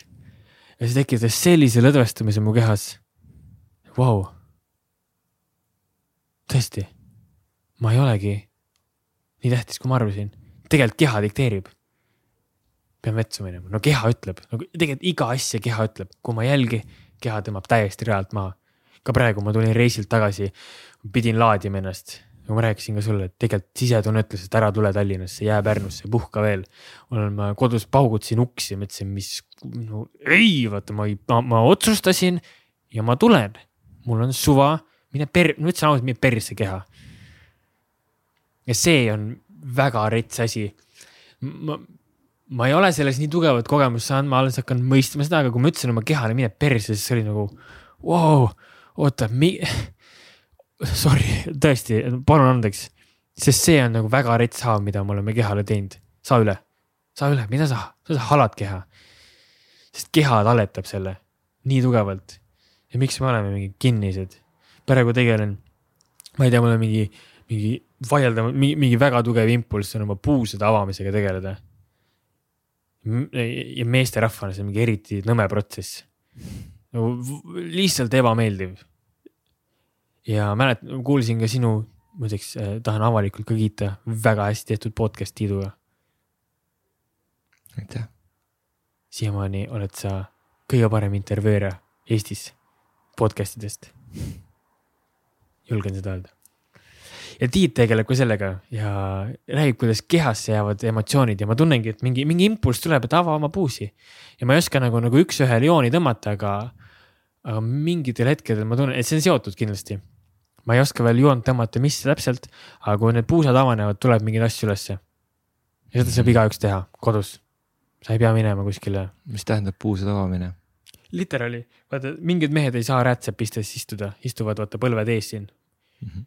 aga nii nagu, kui ma käisin esimest korda Vipassanas, ma ehitasin mingi jõhkrad plokid omale põlvede alla, tagumiku alla, mul on mingi seitse patte vähemalt. ma ei olnud harjutanud seda, täna ma istuks palju lihtsamalt et see ongi, et vaata mingi Indiast tüübid tulevad, siis potsatavad põrandale, istuvad niimoodi, siis nemad on lapsena harjunud. ja, ja puusade avamine lihtsalt tähendab see, et su painduvust põhimõtteliselt jalgadest, et sa suudad jalga avada, mitte midagi rohkem mm. -hmm. väga lihtne. Aga tõesti käis ähm, Tiidu laagrites mm,. siis äh,, siis see ebamugavus äh, noh, et nagu Tiit ütleb, tõmbab nii palju paska ülesse, ehk siis, ehk siis noh, et istud selles ebamugavuse tundes ja see ei ole lihtsalt, et noh, et noh, et praegult hakkavad kannikad ära väsima vaikselt. see, et noh, et see puusadega noh, reaalselt tulevad mingid pildid jooksevad ette, mingid mälestused, mis tahavad lõpeta ära nagu justkui see puusade noh, mingisugune venitamine. väga naljakas jah, jah, väga naljakas no mul oli, kui ma siis San Cristobalis olin, siis ma tegin ühte projekti. Äh, see oli nii-öelda vabatahtliku projekt äh, ühes hostelis nimega La Isla. ja need on nagu väga selline backpacker'itele väga mõnus koht, sa tuled kuueks nädalaks sisse, sa võtad pühendumuse, ma töötan seal hostelis, ma teenin hosteli. Et reaalselt, kui sa töötasid mm, -hmm. siis mingi nagu sa küsidki endalt, okei okay,, kuidas ma saan teenida. ja see täiega nagu loksutas seda perspektiivi et jah, ma pean töötama versus kuidas ma saan teenida. ja seal oli nagu spirituaalne programm, me mediteerisime ja seal oli nii-öelda, meil oli õpetaja, kes oli ise hüpnoterapeut äh, USA-st, USA-st oli üks paar. ja me tegime ka kaostseremooniaid, joogasid, eks väga selline spirituaalne keskkond, kui nii võib öelda. Ja tema ütles ka, et need oma Vipassana kogemusest ka, et see valu ja kui sa üritad sinna nagu nii, niisama istuda ja üritad sügavale minna ja hakata neid asju nägema, siis mõtted on lihtsalt üks filter. mis üritab vahele tulla, kuule, kuule, kuule, ära mine sinna. see ego, see on nii-öelda ego osa, mis kaitseb sind, kaitseb meid. valu on teine asi. keha ütleb sulle, ära mine, ära mine, ära tee seda. tee ükskõik mida. Ja see pani mind nagu täiega push ima mis ei ole nagu kohati nagu hea või kohati halb ka, aga mul on alati see, et kui ma nagu medikat teen, kui ma ilma taimerita medikat teen, ma ei suuda lõpetada. mul on mingi, mine sügavamale, kuule te, mine sügavamale, mine niimoodi, et sa ei suuda enam. ja reaalselt Vipassanas oli ka niimoodi, et tõused no niimoodi, et saaks nutta, saaks lihtsalt mingi, tõused püsti mingi kaks minta veel nagu selline põrguvalu on põlvedes. Et lihtsalt pane nagu pildikotti, tahaks oksendada. seal ühel kakaotseremoonial oli ka ma otsustasin, et kõik kakaotseremooniad, ma istun ühes positsioonis, ma ei liiguta, eks ma võtan selle pühendumuse äh,. Strong dedication öeldakse selle kohta, et kui sa mediteerid ja sa ei liiguta ennast. veits nagu mingi, praegu räägin sellest, saan aru, et see on mingi loll Eesti mehe mingi. ei kannata, vaata, ega küll kunagi heaks läheb. Mul oli äh,, Sander rääkis kunagi, Sander Õigus rääkis nalja, vaata see ütlus, kann-, kui kannatad, siis kaua elad no kui sa kannatad, siis tundubki kaua kui sa kannatad nelikümmend aastat, see tundub jõhkralt pikk aeg. et see on kuidagi mingi eestlast, eestlaslik tunne, et see ei ole tegelikult mõistlik. aga ma istusin selle valuga niimoodi kaks tundi, mingi üks viiskümmend, ma arvan, oli sisse, tunned, kuidas hakkab nagu tseremoonia hakkab lõpuni saama. mõistus ütleb, liiguta, palun liiguta, miks sa teed seda. Ja mingi sihuke valu, et tahaks jälle, tahaks oksendada. nii jõhker valu on. aga tunned samas ka, et midagi peab siin teispool olema et ma olen kuulnud neid lugusid sealt Vipassanast, kus istuvad, jalad valutavad ja midagi juhtub ja siis valu ei ole enam. no ma tahan ka, niimoodi tahan seda. ja korraks mingiks millisekundiks, mingi paariks sekundiks eraldus kannatus ja valu. Ja tekkis lõdvestumine sellesse ebamugavusse, millest ka Tiit hästi palju rääkis. see külm dušš ja kuidas sa lõdvestud ja korraks ma suutsin lõdvestuda ja siis tekkis midagi, mida ma ei ole kunagi varem kogenud. mingi teadvuse nihe, mida ma ei oska sõnadesse panna. korraks oli midagi viis sekki või? kaks tundi pidin istuma, saada korraks, läinud mulle tundub, et jooga on lihtsam variant ja ma kuidagi tahaks neid nagu malle eelkõige enda jaoks ära lõhkuda. et kui mingi tööriist, meditatsioon saab liiga oluliseks, siis see muutub ka nii-öelda, ma ei tea, kuidas eesti keeles öelda, aga nagu bypass on, et sa nagu justkui viilid sellest. aa, ma lähen teen joogat, juba sitt on olla, ma lähen teen joogat. selle asemel, et okei okay,, aga mis tegelikult on, et see võib muutuda ka nagu, nagu vahendiks, millega ennast distract ida. Millest, mille, millega ennast äh, nagu, ma ei tea seda eesti keeles sõna praegu. suva, said aru küll nüüd mul läks meelest ära, miks ma seda rääkisin ma jäin mõtlema, et mm, tundsin enne, nii järjekordselt nii palju ennast ära sinu loos ähm,. Hmm, kus äh,, kus tekib nii palju tahtmisi. Ja ma tahan kogeda puhast teadvust, ma tahan kogeda puhast valgust, ma tahan olla valgustunud. ja sa nii ilusti räägid, rääkisid ja, ja nihuke häbi oli kohe ennast ära tunda selles sest, sest noh, et tahtmine ongi kannatus. kohe, kui me midagi tahame, kohe me kannatame. kohe las-, kui laseme tahtmise lahti, on meil hea näha, näha seda samal ajal ja, ja, ja tunda ära reaalselt seda kõiki oma mingisuguseid püüdlusi. Äh, samamoodi kas kloostris, kas, äh, kas mingites tseremooniates hoia end sukeldades külmas vees, mis iganes. mulle tundub täna, et sellest kannatusest vabaks või mitte kannatusest, vaid isegi nagu tahtest vabaks saamine ei ole vajalik. täna kuidagi vaadates kogu seda nagu spirituaalset maailma, ma olin siis San Marcoses mõnda aega. alg-, ma käisin kaks korda seal, ma alustasin nii-öelda Guatemalast ja lõpetasin ka täpselt sama järve ääres ülilahe on kogeda, kuidas vaata iga hea lugu hakkab sealt, kus ta lõpeb mm. -hmm. ja nii tore oli sedasama järve uuesti vaadata, öelda, et tõmbame selle peatüki kinni. Ja seal, mis juhtub ka, on see, et see, te olete kõik nagu koos seal, no paneme, paneme mingi eh, paarsada spirituaalset inimest kokku ja siis tekib mingi muster, et sa näed, et kõik veits nagu viilivad. et kui neli sõpra lähevad õlut jooma, on vaikimisi reegel, et me keegi ei räägi sellest, miks me siin õlut joome Mm -hmm. siis sama tekkis ka siis spirituaalses kommuunis, et on mingid nagu teemad, mida välditakse, justkui nagu tegeleda, tegeletakse endaga. Tegelikult ei, nagu ei minda sinna, kus see on ebamugav ja leitakse see mugav tsoon. ehk siis see nagu see töö saab ka justkui nagu programm võtab üle ja see on väga loomulik. sest ma kõik, see programm, noh, nii-öelda see ego programm, mis tahab seda nende mugavust, sõidab igale poole ja sellest lihtsalt tasub teadlik olla. ja mulle tundub nagu ma enne mainisin, et mingid inimesed üritavad, saaks vabaks, mul ei ole tahet, mul ei ole ühtegi vajadust. Perse, ma ei usu sind, mida ja. sa, ära ürita mingit, noh, sa tulid siia inimeseks ja see on hullult läbi näha. kui mingi inimene ütleb midagi, mida ta tegelikult ei mõtle, mida ta soovib uskuda. mul on veits hirm, et Mhm. ma teen ise ka seda ja siis ma vaata ütlen teistele inimestele. täiega. et ma, see on hullult äratuntav, kui inimene ütleb, et ai, ma olen tegelikult ülivalgustunud, miks sa ütlesid mulle seda, sa just tõestasid mulle, et sa ei ole. Ja selles mõttes mul on nagu ka nagu mul oli neiu, see neiu prantslanna äh,, nimetan edaspidi Amaks, ta oli ka täiesti see nagu hakkas šamaaniks õppima ja kohati, kui rääkida mingi, mingist valguskeelest mulle ja mingitest asjadest, mul tekib nagu tunne, kuidas mingi sisemine harimati läheb käima no,. no, no, no, noh, sihuke nagu ole maa, ära kuradi paska sa ajad. Selline mingi tunne tekib, tule maa peale.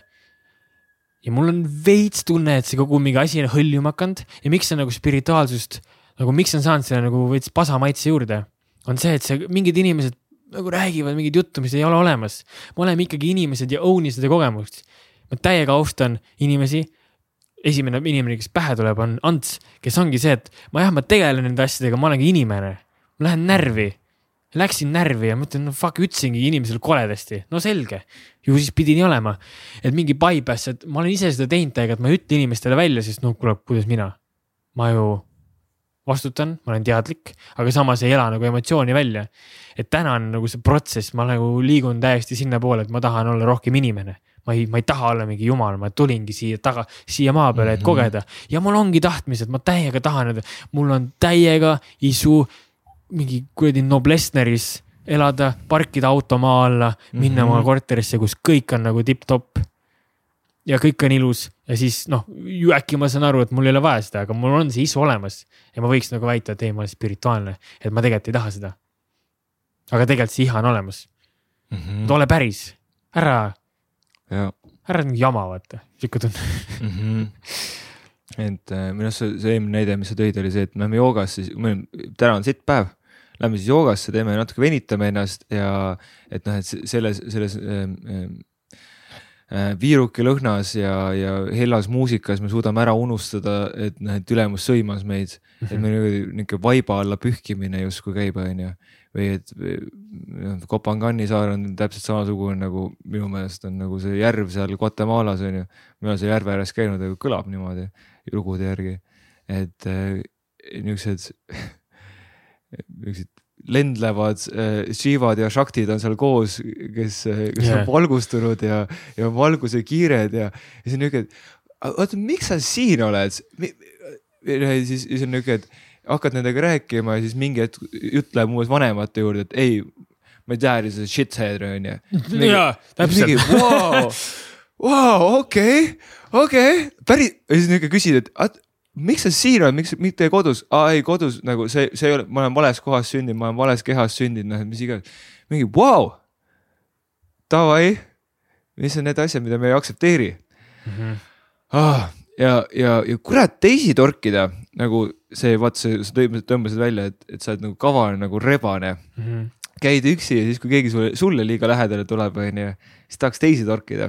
Minu meelest, miks minu, mina olen võtnud selle podcast'i mikri siia enda ette, miks mina olen teinud, teinud rännakuid teiste inimestega, miks mina olen käinud samamoodi Kopanganil, miks, miks ma muidu olen nende Shivade Shaktiga koos, koos seal mediteerinud, on ju see, et, et ega minu programm läheb ka samamoodi justkui tööle või minu kaitsemehhanism, minu, minu sihuke inertsus elada oma tavapärast viisi, inertsus mitte oma paska esile tuua, mitte aktsepteerida seda, et minus on ka äh, e omakasupüüdlikkust äh,, egoismi äh,, minus on õelust, tigedust, viha, kurbust äh,, see, seda, seda äh, meest, kes tahab kõikide naistega seksida, kõiki naistega äh, öelda neile äh, mingisugust mesijuttu kõrva ajada, et nad hetkeks armuksid minusse ja hiljem olla omaette ja, ja visata kõik üle parda. minus on kõik need asjad olemas, minus on seda varje, päikest,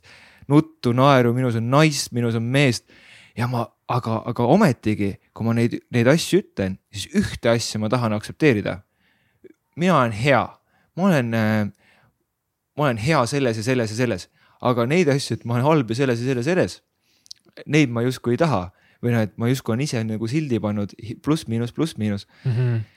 ja, ja käin ja torgin ringi teisi, sellepärast et ma ei, ise ei taha neid kuradi asju vaadata. ma ei taha vaadata seda, et, et ärkan hommikul ja, ja ei ole hea olla äh,. ma ei taha aktsepteerida seda, et, et tegelikult mingi, mingi hetk päevast nagu ei taha tööd teha, teen laisalt äh,. mingi noh, klassikaline näide, inimene kõnnib tänavast mööda, ma olen kole, paks, nõmedalt riides, sitt auto äh,. oled trennis, teeb seda harjutust nii nõmedalt no,. Yeah, mida sa teed nagu ja, ja nagu sa tood välja, et, et Ari, miks, miks Ari on nagu, ma olen ka mõelnud, ma kuulan tussisööjaid, mõtlen, miks ma seda iba kuulan praegu miks ma kuulan, miks ma veedan oma aega, oma mõtteressurssi sellele ajuvabale lihtsalt nagu äh,, lihtsalt keegi tulistab mingi paska suust välja, onju. aga sellepärast et, et ta on inimene, sellepärast mm. et, et ta on aus, ta yeah., ta nagu, ta näitab ennast ja, ja näitab ja julgeb näidata ka seda, et, et tead, et nagu see, mis minu ajus toimub, et see ei ole on point, see ei ole viisakas, sõbralik, heatahtlik, see ei ole tark kogu aeg jah, me võtame kokku ennast, jah, me oleme suutelised kirjutama ka tunniajase loengu mingist väga targast asjast ja mis on, mis on seost-, seostatud. ja, ja, ja me oleme suutelised mitte ropendama kaks tundi. aga kas meie peas, kas see on päriselt, mis me oleme? noh, et stand-up nagu näitena, äh, üks näide minu meelest, mis tõesti Harri tõi, oli, et tema tsiteeris kedagi teist või refereeris äh, et kui ta, et kui stand-up koomik on lava peal, onju, siis tal ei ole insect problem, onju. ei, ta on hoodis, tal on fucking cockroaches on nagu mm, -hmm. tal, tal ei ole nagu, aa, mul jälle jalg läks natuke märjaks mm. -hmm. olukord on vittus ma olen perseaugus ja mul on sitt olla, onju. noh, see on see olukord, sest see on see sisekõne, mis mul peas toimub mm. -hmm. Ja nüüd ropendada on võib-olla lihtne, aga mingeid asju tunnistada endale et tunnistada, et ma vahepeal tahan inimeste halba, vahepeal ma tahan endale justkui halba, vahepeal saboteerin ennast. vahepeal ma ei ole valmis vastu võtma häid asju. no neid on nii raske. ma ei, ja ma ei taha teistele valetada ju. aga endale?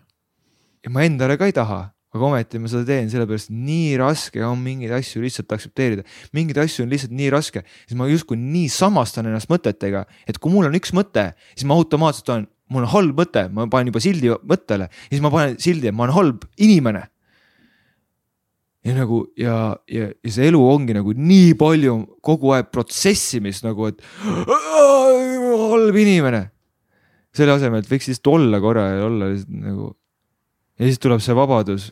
Ma vahepeal kuulasin su juttu ja ma kadusin ise nii ära sellepärast, et nii valus oli, nii valus oli vastu võtta seda, et nii palju on, on sinus mind.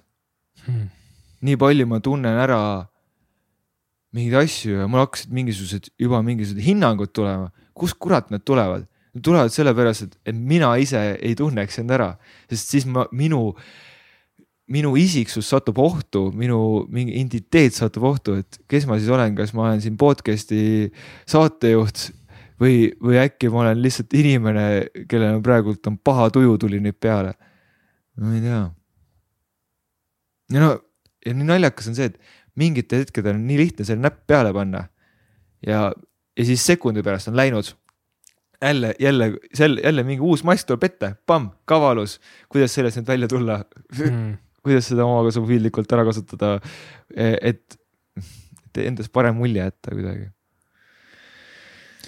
tundub nagu tänase perspektiiv et ma olin hästi usku sellesse, et see nii-öelda budismi vaade, nii-öelda see vipassana self-inquiry ehk siis sa saad endast aru, on ainuõige tee.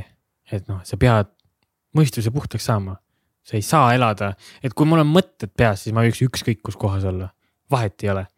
Sam Harriste hea näite, et kui sa ei suuda oma mm -hmm. mõtteid kontrollida, siis see on nagu, no sa ei suuda fookust hoida, siis see on sama umbes nagu su maja põleb.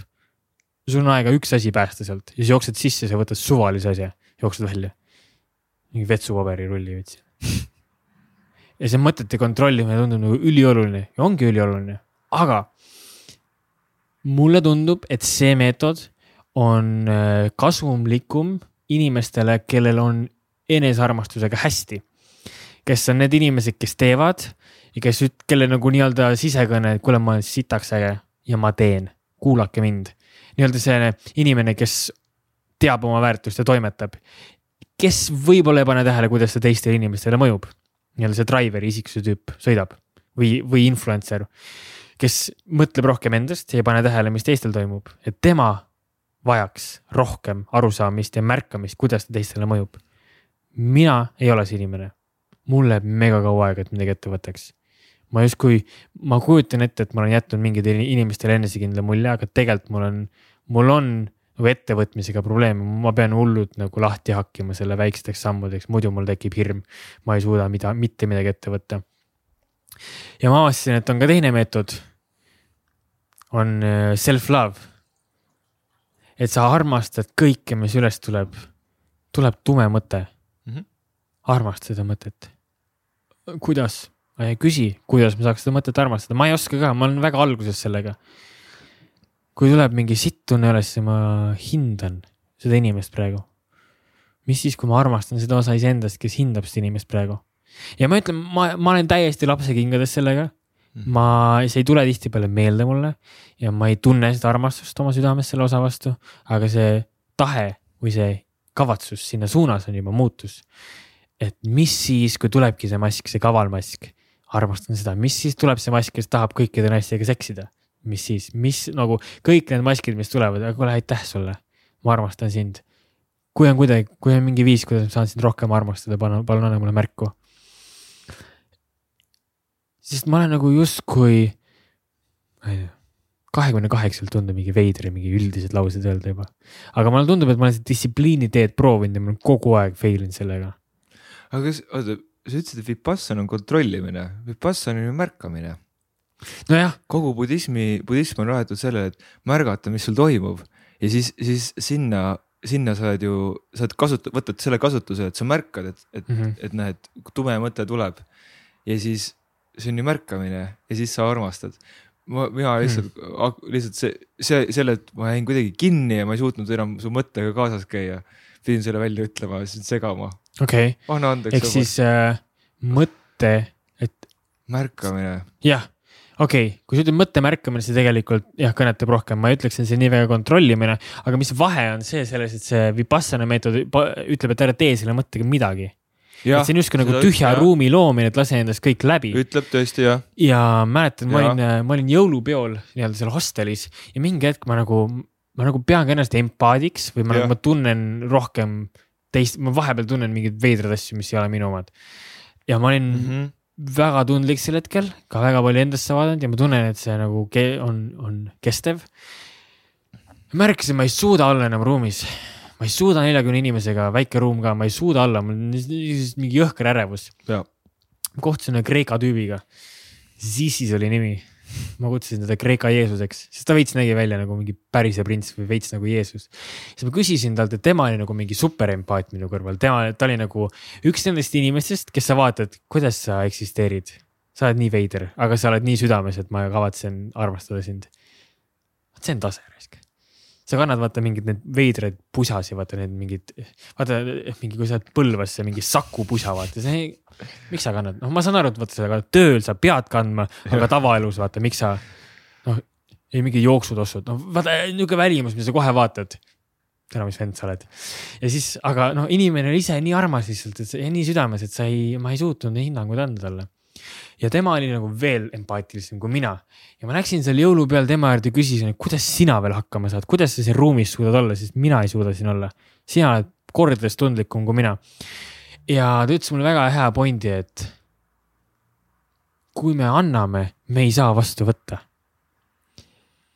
keskendu sellele, mida sa annad siin ruumis tule valgusega, tule enne, enne podcast'i ma tegin ka taotluse, et iga sõnaga, mis ma ütlen, toob valgust mulle sulle, siia ruumi ja kõikidele, kes seda kuulavad. ma ei tea, kuidas see välja näeb, ma ei tea, kus, kes toimetavad sellega, sellega, sellega taustal.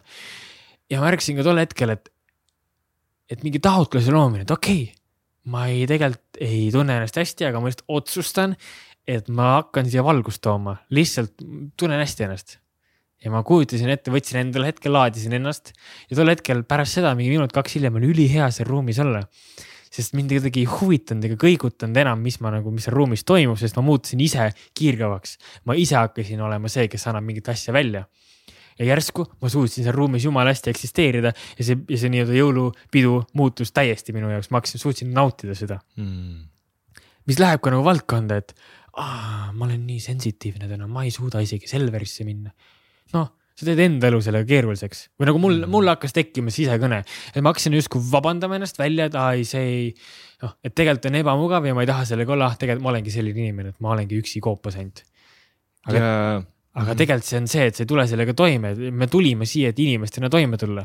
see on meetod ja sa, kui sa oled sihuke inimene, mine ela koopas, kui see on sinu tee aga kui sa tahad eksisteerida, siis tegelikult selleks on ka tööriistu. ja see on nagu hästi suur erisus, mis selle Vipassanaga on. sest Vipassana loob alati tühja ruumi ja koge, mille ma ütlen, on väga kindel aeg ja väga kindel koht.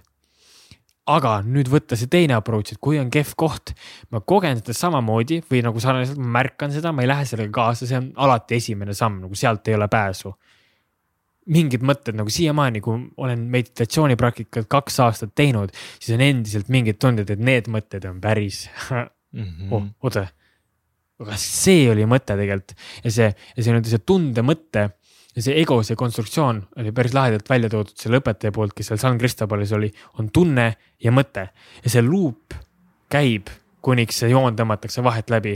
kas tekib mm. tunne või mõte ja üks viib teiseni, nii kaua, kuni sealt välja murrad ennast ja vahepeal see on nii kiire, et sul tuleb mõttetunne ja sa oled mingi jep, see on päris, see on päris, see on päris, toimetame. Ja, ja selle protsessi käigus hakkas mingeid sügavamalt asju nagu lahti kooruma, ehk siis selle nii-öelda mindful, mindfulness vist nimetatakse niimoodi, sellel on väga kindel aeg ja koht. Aga mulle tundub, et lõpuni välja see tee, et Vipassanas, mis juhtus ka, hakkab mingi väga tugevaid emotsioone tulema läbi selle, ma tundsin mingi jõhkrat viha enda vastu. kuradi vend sa oled, kuradi mõttetu vend sa oled, nagu täitsa perses. ja siis mingi hetk tekib see taipamine, et okei okay,, kas see on mõte -hmm. seal on oma aeg ja koht, aga nüüd ma täna katsetan, see on nagu uus, uuem asi, mida ma katsetan, et ma otsustan armastada seda mõtet. et lisada sinna nagu see faktor juurde. aitäh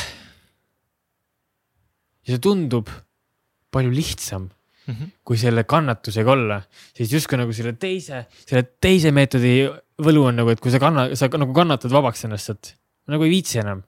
nagu ma olen seda distsipliini proovinud ja ma ei, nagu, ma ei taha niimoodi elada. ja see kõlab väga loogiliselt, sa annad mingi suuna sellele, noh, et kui see on justkui mingisugune emotsioon on justkui nagu mingi loodusjõud, on ju mm -hmm.. noh, mingi jõgi, mis voolab, noh, elevus no hakkame tegema raiskus, oota ärme teeme sittagi täna, täna vaatame Netflixi rahulikult. et siis, siis nagu tänulikkusega või armastusega, tänulikkus, armastus, natuke on midagi sarnasust nende äh,. Siis, siis sa annad justkui jah, või nagu niisuguse suuna, et, et see on okei okay voolata. jaa, täie-, täp-, nagu täpselt, et sa annad sellele loa või kuidagi mingi helluse kaasa ja see, ma nagu ise katsetan, need on täpselt need ideed, ideed, mida ma nagu integreerin, siis ma võtan täiesti nagu positsiooni, et ma võin siin eksida. aga täna mu arusaam on see, et ka, et ma olen proovinud nagu halbadest harjumustest loobuda. No mingi minu jaoks on äh, reisil tuli välja eriti hästi nagu emotsionaalne söömine. no mhm. vaatad peale, tundub, et ei või, noh, mis sa räägid. noh, poiss, sööma pead, terve elu räägid, poiss, söö rohkem, sa oled suurem ja endale andsin ka loa, et ma söön kogu aeg, nagu ma võisin lapsena nii palju süüa, kui ma tahan, kõik emotsioonid läksid millegagi alla. ja siis reisil tuli see eriti hästi välja. et äh, sitt koht on, siis ma lihtsalt kohe läksin mingi söögi juurde. Ja noh, vot sealt võib-olla on see seos, et emad ei süüa lapsena, see on mingi mhm. kontakt, ma ei tea, ma ise näen seal seost. aga panna enda söömistaotlus. et äh, iga ampsuga, mida ma võtan, ma justkui täidan enda kõhtu, aga samal ajal ka täidan oma süda, südant armastusega ja nautida seda. Fuck, ma sööngi ja tead, kui hea ma sellest tunnete ärasöömises olen ja anda endale luba, et ma sööngi oma tunded ära, aga panna sinna samal ajal taotlus taha, et see söömine praegu tõstab mu vibratsiooni. ja no ma olen vaata kakskümmend kaheksa, ma ei mõtle veel maailmapildist iga päev, ma vahepeal olen ja peace to Ukraine, please also. ma tahaks enda elu korda ja siis teiste oma vaata, see nagu eristab minust poissi mehest veits, ma näen, et ma ise vahepeal mõtlen liiga palju endale ja ma tahaks rohkem teenida, aga ma ei ole veel seal. ma vajan veel ise tähelepanu, et hakata seda jagama aga panna sellele nii-öelda negatiivsele harjumusele, millest sa tahad lahti saada, positiivne taotlus ja siis lihtsalt nautida seda, mitte olla selles tundes, et fuck, ma ei peaks seda tegema. sest mulle tundub, et sealt kohast saab ego täpselt selle mahla kätte, mida ta, mida ta janunema tuli. see on see tunne, vaata, ma ei tohiks, aga ma teen sealt tekib see vastikuse tunne enda vastu, et ma tegelikult ju ei mm. tea, ma tegelikult ju tean, aga ma ikka teen. ja mulle tundub, et see meetod toimib paremini. ja mul ei ole nagu, ma unustan seda ära, ma täiega nagu, mul on nagu piinlik kogemus, mida ma tunnen, võiks jagada, on see, et äh, üks päev oli halb. halb oli olla, kõht valutas. siis ma nagu lohutasin ennast, Renar, kõik on hästi. ja siis tekkis mingi väga nagu sensatsioon endasse, mingi vau et ma katsusin enda kõ alakõhtu ja tekkis mingi väga mõnus sensatsioon kehasse, mida ma ei ole nagu selle koha pealt tundnud, mingi erutus isegi kehasse. tekib oh,, see on nagu tantra ju, vau, olen mingi vend ju. ja kui noh, muidugi kohe vaata ego tuleb peale, mingi tore, kõva vend. ja katsun ennast ja siis katsun jalgu, katsun, oh jumala täiega mõnus on. ja noh, ja mingi kaks minti hiljem lihtsalt kütad rämedalt pihku lihtsalt mingi naudingu iha ei suutnud jääda. ja siis ma mõtlen samal ajal, kui ma seda teen, mõtlen nagu Renar, mis juhtus, miks sa teed seda, lõpeta, lõpeta. ja ei lõpetanud lihtsalt see nagu lihtsalt tahtsin korraks saada seda reliisi, seda lõdvestumist ja siis ma mingi hetk nagu otsustasin selle käigus, et äh, aga ma otsustan, noh täiega veider näide midagi öelda, et see on nagu rattapump, vaata, ma pumpan ennast armastust täis. iga kord, kui ma nagu tõmban, ma tõmban endale sisse armastust ja süda täitub, ma tundsin, kuidas nagu loll tunne olla. ka mingi selili vaata vannitoas mm, -hmm. see on kohutav, ma loodan, mu ema ei kuule seda podcast'i.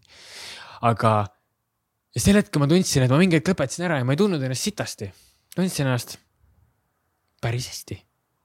ja see oli erinevus, muidu ma tunneks ennast ma, ma ei lõpetanud, see on oluline, see, see protsess nagu lõppes ilma selle naudinguta ja ma tundsin, et okei okay,, selge, kuidagi päris nagu hea tunne on ja mm. siit on hea edasi minna. eks see oli nagu esimene kogemus sellesse valdkonda, et okei okay,, kui ma teen midagi sitta ja ma lisan sellele taotluse. äkki toimib ja toimis. rohkem kogemusi mul kahjuks ei olnud, ma olen täiega proovinud. aga see on algus. see on algus. väga lahe jagamine. Äh, see äh, samamoodi saan resoneeruda, et äh, olen ennastki avastanud ennast lihtsalt rahuldamas ma tean, et kui neid hommikul paned pihku, siis, siis mul on kuidagi terve päev on veits uimasem. Äh, noh, tuled ja, ja siis, siis tekib see uimasus, vähene energia. üks hommik oli, et näed, davai, paneme, noh, niisugune kiim on sees, et olen üksi kodus, olen, Karmen on, on tööle läinud, onju, üksi kodus niimoodi, panen pihku seal. Ja ei suutnudki lõpetada nagu enne, kui ma tulen ja tulen ära ja puhastan need ära ja siis kuidagi pea selgineb ja siis tuleb see süütunne mm.. lihtsalt, sest nagu, et see energia, millega ma tegin seda, oli kuidagi sihuke enesevihkav või noh, davai, ma tee siis ära või nagu mingi noh, nihuke. noh, et ole siis sihuke pihkur või noh, et noh, ei suudagi ennast taltsutada jah ja see ongi see mahl, mille sa saad kätte, see süütunne on see, miks seda ego mhm. teeb. sest justkui nagu asjad, mulle tundub, et justkui asjad lähevad liiga hästi, ma tõmban su alla, ma tekitan selle süütunde. ja justkui nagu klassikaline story on see, et saa meheks, vaata, võta kontroll enda kätte. vaata, see on see nagu noh, ma, kui sa ütled seda, et ego teeb, on ju, siis mina näen justkui seda, et noh, et see on see inert, inertsus minu sees või noh, et mis tahab mind hoida ühes kohas kinni, sest mm -hmm. praegu noh, et siis noh, et kõik see varasem, mis ma olen teinud ju, on mind hoidnud elus üks. mul on ju, mul on ju kõik asjad olemas, kaks ja, ja kõik uus on ju, on ju hirmus mm. -hmm. et äkki me satume ohtu siis, kui me teeme midagi, mida me enne pole teinud. Lähme näiteks reisile. miks, miks minu meelest sinu reis on väga hea analoogia ja vaata, kuidas see, me reisisituatsioonidest jõudsime tagasi kogu aeg siis su lapsepõlve äh, mingitesse üldistesse tõdedesse nii-öelda, mis sa enda jaoks avastanud. või ehk siis see reis on tegelikult mudelversioon noh, elust või noh, et see on see uus situatsioon, kus meil tõmmatakse jalge alt ähm, harjumused ära mm. -hmm. et kui sa lähed, kui sa lähed siis kahe hipitüdrukuga lähed, istud taksosse, et sõita linna, kus sa ei pidanud olema ja sul pole ühtegi harjumust või Mhm. ühtegi rutiini tegelikult. Ja kõik need rutiinid, mis sinu seest üles kerkivad, sul tekkis emotsioon, sa tahad süüa, siis, siis on parem neid märgata Mm -hmm. sest kodus me ei märka seda, et, et tööpäeva lõpus me sööme mitte sellepärast, et meil kõht tühi on, vaid me sööme emotsiooni. aga kõht on tühi ka, nii et, et me nagu ei saagi aru, kumb see on ja noh, ja ilmselt ei olegi vahet ja, ja ei kunagi ei märkagi neid, neid mingisuguseid harjumusi, mis meile, mis me oleme enda sisse õpetanud, aga, aga aga need ei pruugi olla meile kõige paremad ei pruugi olla meie ideaalile, kuhu me suundume kõige paremad, aga need on tekkinud, on ju. no et siit tulebki nagu see kahe äh, meetodi erinevus välja, et mina olen proovinud nagu, aga ma muudan siis oma harjumusi, et justkui tegelen välismaailmaga. või siis muudan ennast sisemalt, et ma loon nendele tegevustele mingi taotluse või mingi armastuse. Ja mulle tundub see tee kordades mõnusam ma ei, tegelikult ei mm. -hmm. viitsi nagu enam seda distsipliini taga ajada. nagu ei jaksa enam, ma nagu piitsutan ennast nagu nii õhkralt terve elu. et see tundub nagu see ei ole viis, kuidas ma soovin jätkata. ja ma tean, et seal kuskil teispool on see variant, et ma näiteks, ma tegin joogat üks päev. ja ma olen teinud päris kaua juba joogat, aga no vaata reisid, siis jääb nagu paus vahele. Ja märkasin, et see tuli nagu kohast, et ma tahan teha joogat ja see mingi hetk ma ei tahtnud teha joogat. ja ma muidugi märkan, et seal nagu distsipliinil on nagu oma koht. ja aeg, et saada see nagu käima, et see saaks nagu august välja otseselt. aga ma näen selles nagu enesetöös seda enesearmastust nagu, see, see distsipliin on nagu üle kõige. võid neid joogasid teha, kui sa ikka vihkad seda jooga tegemist, siis sitt, no saad korraks parema, saad nagu parema tunde võib-olla päevaks kaheks, aga kui sa ikka nagu väga push'id ennast, see nagu push ei toimi lõpuni välja. ma täiega pooldan seda praegu, et kui sa tahad, et su maailm muutuks, muuda iseennast seestpoolt, sest see on kordades lihtsam. ja mul on kogemus nagu tööga, et kui ma seda LHV-d müüsin, nagu mul ei ole kõige paremad suhted rahaga, mul ei ole rahaharidust, keegi ei ole õpetanud mind, kuidas rahaga toimetada. mul ei ole, ma ei julge investeerida. ma ei ole nagu mingi ettevõtlik, no mul ei ole seda nagu baasi, kuidas seda teha. ja märkasin, et see nagu toimib, ma teenin, seal LHV-s teenib head raha, kui sa oled julge, sa müüd, sa ei pea nagu supermüügimees olema, aga sa teenid head raha esimest korda elus. nägin, vau, nüüd ma neljakordistasin oma palka. aga mingi hetk see süsteem jookseb kokku. see ei ole jätkusuutlik mm. -hmm. Nii et mõtlemist muud, kuidagi mõtlemist sisemaailm peaks muutma, et ka rikkust saada või? ma tõmbasin äh, laua alt, tõmbasin äh, Napol-, Napoleoni Hilli raamatu välja. kas sa lugeda oskad, Renar? isegi kiiresti oskan lugeda. kas sa oled kuulnud, et Million Mindset on eesti keelde tõlkinud mingi tohutud hulgal lahedaid raamatuid, näiteks mõtlemist, muutmist rikkaks. Ja ma tahaksin ühe sulle kinkida siit äh,, siit laua pealt. mul on ka siin mingi viie sekundi reegel, liitvõimendus, ma arvan, et sinu sissetulekute, elu ja edu kiirkäivitaja. nagu lihtsalt rahateemade pealt kas tahaksid ühte raamatut? muidugi. mis sulle, mis sulle kõnetab siit? New Yorker bestseller. No kõik no, need New on... Yorgis müüdi. ma muidugi seda olen nagu veits teda lugenud ta rääkis mingeid edulugusid, mind väga ei kõnetanud see raamat, mul oli võimalus seda lugeda ja ma ütlesin ei sellele. et ma kuidagi, liitvõimendus. palun. tunne ütleb sedasi. ma lähen täiega tunde pealt, compound effect. me lõpetasime Aitäh. nüüd selle äh, mõtte, mõtte natukene hardilt ära. ju siis pidi lõppema. Keegi, vaata vahepeal mingi, räägid mingi inimestega, küsime, keegi küsib, oota, kus me jäime? vahet seal on, lähme edasi. meil on, me viskasime hästi palju palle siin õhku. aga miks ma, miks ma selle nii kähku ära tahtsin lõpetada või, või selle, selle punkti siia seada, sest minu meelest see on, sul koorus nii ilus mõte välja, mis tõmbas ko- korra kõik, kõik kokku. ja et vahet pole, mis välismaailm on. Et lihtsam on sisemaailmat muuta, teha pehmemaks need seinad, see on see, mis mina siit sain. jaa. keerulisem. aga mulle tundub, et see on ainus viis. see, see on jätkusuutlik, sa võid nagu, minu töö tol hetkel ei olnud väga nagu high-end, nagu sa vastutad oma päeva eest, sul ei ole nagu, sa ei võta õhtuks koju vastutust, see on lihtne.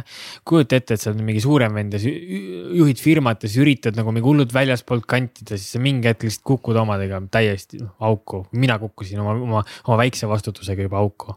ja ma sain aru, et ma püüdsin oma rahaasju parandada väljaspoolt. ja mingi hetk ma noh, ma ütlen ausalt, ma sain mingi neli korda reisiraha otsa. päriselt niimoodi, et mingi hetk on nagu ma ei tea, mida ma teen. Davai, liitvõimendus on eh, sulle ja kuulaja, kes sa soovid ka liitvõimendust või rahatarkuse kohta natuke rohkem, siis millionmindset.ee ja täitsa pekkis koodiga on kõik raamatud sealt kodulehelt kümme protsenti soodsamad. jess. kuidas sul uni on muidu? kohutav. kohutav, päriselt on no praegu on eriti, vaata jet lag on ka. jaa mingi teema on mu unega, mida ma ei taha vaadata, ma ei jää eriti hästi magama.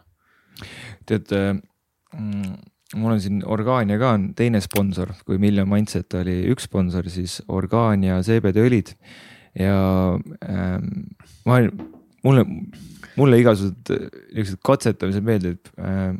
ma näen ka, et ma olen seikleja hing, on ju ja siis, et, et CBD õliga, et, et hommikul panna või siis töö ajal või noh, et iga, iga asjal. taksos no,. taksos ja, ja autoga sõites, aga, aga et noh, et äh, mõnikord on see, no mul on üldiselt väga hea uni. mõnikord on olnud see, et ei tule und, vähkred voodis ja see on kõige, kõige hullem piin maailmas minu jaoks. ja siis äh, kaks asja töötavad reissiseened ja, ja orgaan ja CBD õli ja äh, CBD õli isegi paremini. tahaks sulle selle kinkida. oh, no täna saab magada, ma tänan ja see on samuti, et kui, kui keegi kuulajatest tahab ka endale head und kinkida, siis äh, orgaania.com või äh,. igatahes pange orgaania otsingusse ja Pekkis viisteist, saad viisteist protsenti odavamalt. vaata siuksed kaubanduslikud teadaanded ka, vaata kui tore oh.. Renar, kuidas sa end tunned? ma nagu mitu korda peast läbi käinud, et äh, rääkisime hinnangutest enne, siis ma korra mõtlesin, fuck, et, et, et tihti ei kohta tüüpi, kellele ma ei anna hinnanguid esimese mingi viie minuti jooksul. jah. ja sulle ühe hinnangu andsin, aga muidu vaatan sind ja mõtlen täitsa perses, mis, vabandust, täitsa pekkis, mis mees. brändingus olge täpselt äh, patreon.com slash täitsa pekkis, andke pappi kui te arvate see... sama äh,. Sorry, see, see oli, tahtsin nalja teha, ei kukkunud, noh, ise naersin. see on kõige olulisem äh,. mul hakkas ebamugav äh,, sellepärast et ma ei oska ikkagi kiitusi vastu võtta. aga aitäh sulle ma ise panin tähele, et äh, sihuke mingi tund sisse, siis ma vajusin vahepeal ära ja siis tekkis nagu noh, täpselt tekkis sulle hinnang, millest ma sain aru seda, et ohoh, minu mingit valupunkti hmm. sa tõmba-, noh, sa rääkisid mingist asjast nii avalikult või noh, panin millegile sõrme peale, mida mina ei taha enda puhul aktsepteerida. ja ma sain siit mina väljun sellelt äh, õppetunniga, õppetunniga, et iga kord, kui ma kellelegi annan hinnangu mm, -hmm. siis see hinnang juhtub minu sees. ja minu ja. sees ei juhtu mitte midagi, mis on noh, minust väljaspool ma tuli see viimane asi uuesti. et, et noh, et vaata, et hinnang juhtub minu sees, on ju. ja minu sees ei juhtu mitte midagi, mis on väline. ehk siis see ei ole üldse seotud sinuga absoluutselt, ära võta isiklikult. jah. ilge munn ilgelt munn oled, aga ära võta seda isiklikult, sest see on minu arvamus. ja siis, siis noh, et äh, ja siis minu arvamused tekivad noh, minu enda sisemiste konfliktide tõttu.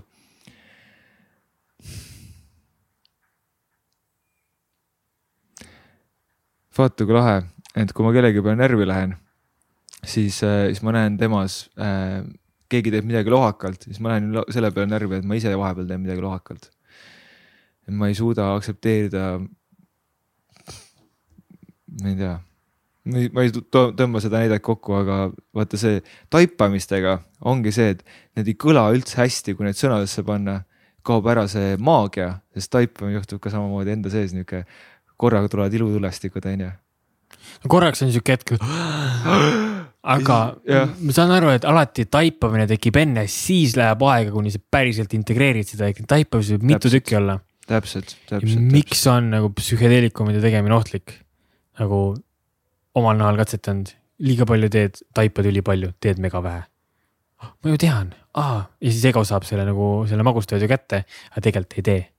ja siis ja. oled see vend, kes nagu räägib, see on, ma ise ei nagu annan hinnanguid nendele inimestele, kui ma näen, et sa räägid, keegi räägib midagi, mida ta tegelikult ei tee. ja ma tean, kehv tunnistada, aga mul, mul teised inimesed on mulle öelnud, et Renar, sa vahepeal räägid asju ja, ja siis nagu ise ei tee ja seda on ülivalus kuulda. päriselt ja, ja mida siiramalt ta seda ütleb, seda valusam on. ja ja vaatab otsa ka mitte nagu ei pilguta silma ka Renar. Kõnn nagu walk the talk või kuidas, talk'i walk, no mis iganes öeldakse, vaata. kõnni seda, mida sa räägid eesti keeles. oi, mul mitu aastat tagasi üks hea sõber ütles samamoodi, et Taavet, sul on nii lennukad ideed, mitte kunagi sa mitte ühtegi asja ei tee ära. Thanks. ja ta ütles seda nii heatahtlikult oh,. ma kujutan ette, et ta on mingi mega hea sõber sul. no nii soe, nii soe inimene ja ta ütles nii südames seda no vaata, aga nii sa saad ikka aru, kes on sõbrad. vaata, sõber on see, kes ütleb, kuule, sul on spinat hamba peal mm. -hmm. Sorry, mees, ikka on. ma ei taha öelda, kas see spinat on ikka sul hamba vahel ja siis sa saad aru, et see inimene on nagu cut the bullshit oh., nagu see vend ütleb sulle, et kuule, see saade oli sitt. ja, ja mina täiega toot- nagu, nagu täiega, mul on sõpru, kes ütlevad mulle seda, ma olen kindel mm. -hmm. Vaata, aga see on mingi Kui... austus see on mingi austus, kui ma, näen, et sa teed midagi sitta ja ma austan sind, siis ma ütlen sulle välja, siis ma tahan, et sa teeksid midagi kuidagi paremini, et ma, ma, ma tunnen, et sa oled paremaks võimeline. aga kui ma ei austa seda inimest ja, ja ma ütlen, et aa ei, ma ei hakka talle ütlema, tegi sitasti, ma ei ütle talle midagi, ja, ja tubli töö. ja, ja lähen, teen ise võib-olla ära ja mm -hmm. ei mhm. ütle talle midagi. siis see näitab, see on, see on nagu tegelikult ülim äh,, ülim nihuke niisugune fuck you tegelikult, sest ma, ma võtan inimeselt ära selle, et ta ei saagi aru, et, et ta midagi tegi halvasti, ta ei saa kunagi paremaks. ta jääbki sinna, mina jätsin ta sinna maha, mina lähen nüüd kõmbin edasi, jätsin ta sinna, on ju. noh, tegelikult see on ülim nagu disrespect või kuidas, kuidas seda öelda, ülim no tol hetkel mängib seda rolli või ma näiteks, mis selle jutuga mulle meelde tuleb, et ma no. märkasin omas viimases suhtes, ma mängisin mingit rolli ja ma tegelikult üllatusin selles, et. Äh, et ma võtsin mingi rolli, kellel on täiesti suva sellest suhtest. Mm.. täiesti ja te, tema hoolis sellest suhtest. Ja ma märkasin, kuidas ma hakkasin nagu balansseerima seda välja, et tema oli nagu väga avatud suhe oli, nii avatud, kui mina oskasin suhet hoida ja ma ütlesin talle, et ma tunnen, et sa kiindud minusse ja mul, see tõukab mind eemale mm. -hmm. ja märkasin, ma hakkasingi mingi hetk rolli mängima, ma tegin vahepeal mingeid nõmedaid asju. ma nagu ei kallista, ma nagu ei teinud, nagu veits olin mingi jah, võtsin nagu iseenesestmõistetavalt ja samal ajal ma saan, märkasin seda ja ma kuidagi olin nagu, ma ei tea, ma ei tea, kas ma vabandasin välja ennast sellest nõmedast käitumisest aga ma ütlesin talle, et aga see on see roll, kuhu ta paneb mind ja ma kuidagi võtsin nii lõdvalt seda, et ma ei, olin nagu, ma ei olnud nagu see armastav kaaslane või see nunnu boyfriend, kes ma tavaliselt olen. ja ma ei mänginud seda rolli ja sealt tekkis mingi huvitav lõdvestumine, et aga, aga, aga mind kuidagi pannakse sellesse rolli ja ma mängin seda. mul on kuidagi veits suva.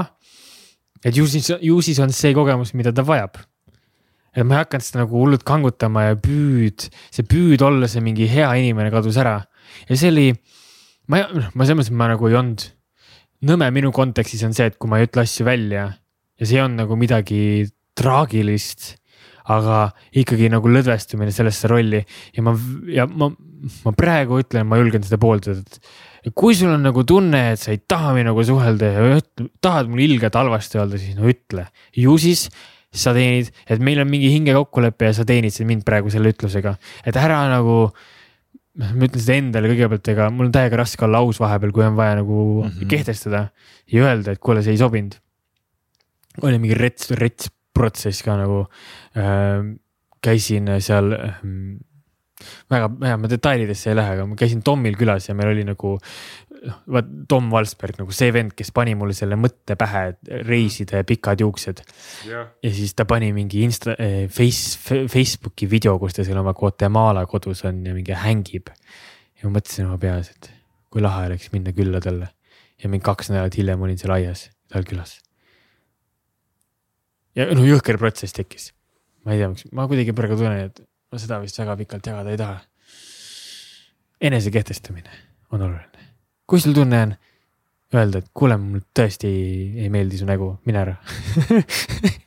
siis ütle, mulle võib öelda, ma võib olla solvuda, aga aga see on äh, austus inimese vastu äh,.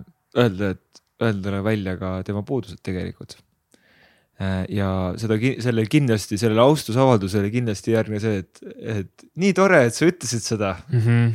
eriti kui see teeb haiget äh,, siis, siis ta tasub ka lihtsalt nagu noh, sellele ei järgne seda kuidas sul on, kas sul on lihtsam kriitikat välja öelda või lihtsam kiitust välja öelda? lihtsalt muidugi kiitust, muidugi kiitust, mina tahan wow., mina olen inimeste inimene ikkagi, mina tahan ikka inimestele meeldida. ja see on minu üks, üks nagu trepp, millest mina pean väljuma.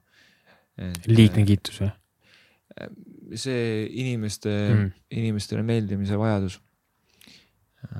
ja, ja, ja kiitus on, kui me räägime strateegiatest, siis kiitus on üks kõige par-, lihtsamaid strateegiaid, kuidas, kuidas saab inimestele meeldida. see, kes annab kiitust, paneb ennast äh, pjedestaalile selle inimese silmis ja, ja tekitab teises inimeses hea tunde Mm -hmm. ja ta öö, omab siis mandaati, kes saab teisele hea tunnet tekitada. ehk siis, ehk siis kui sa tahad inimesi manipuleerida ja sõpru võita, siis äh, kiida, aga need kiitused ei tohi olla pealiskaudsed. mida siiramad kiitused on, seda rohkem, suuremat muljet see avaldab. ja kui need kiitused on tõesed, sa räägid inimese mõjutamisest pigem.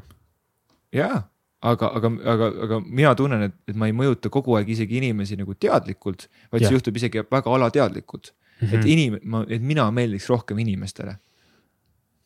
jaa, see on üks strateegiatest, seega, seega mul on kiita väga, väga palju lihtsam kui halvasti öelda. see nojah, see head flow'd teadmine seal taustal, kui ma sind ka nägin, mõtlesin mingi esimese asjana vist sulle mingi hea sõna, mingi teise asjana. mm. -hmm. ja ma muidugi tean, et see ka toimib, aga, aga ma märkan, et kui sa rääkisid sellest, ehk siis sa kasutasid sõna manipuleerimine, mis on väga tugev omakasupüüdlikkus, aga ma ei usu, et sa tegelikult manipuleerid inimestega. aga, aga äh, vahepeal on lahedam öelda välja ekstreemsemaid sõnasid, et okay., et point tuleks äh, rohkem kohale Mm. ja see on ka manipulatsioon.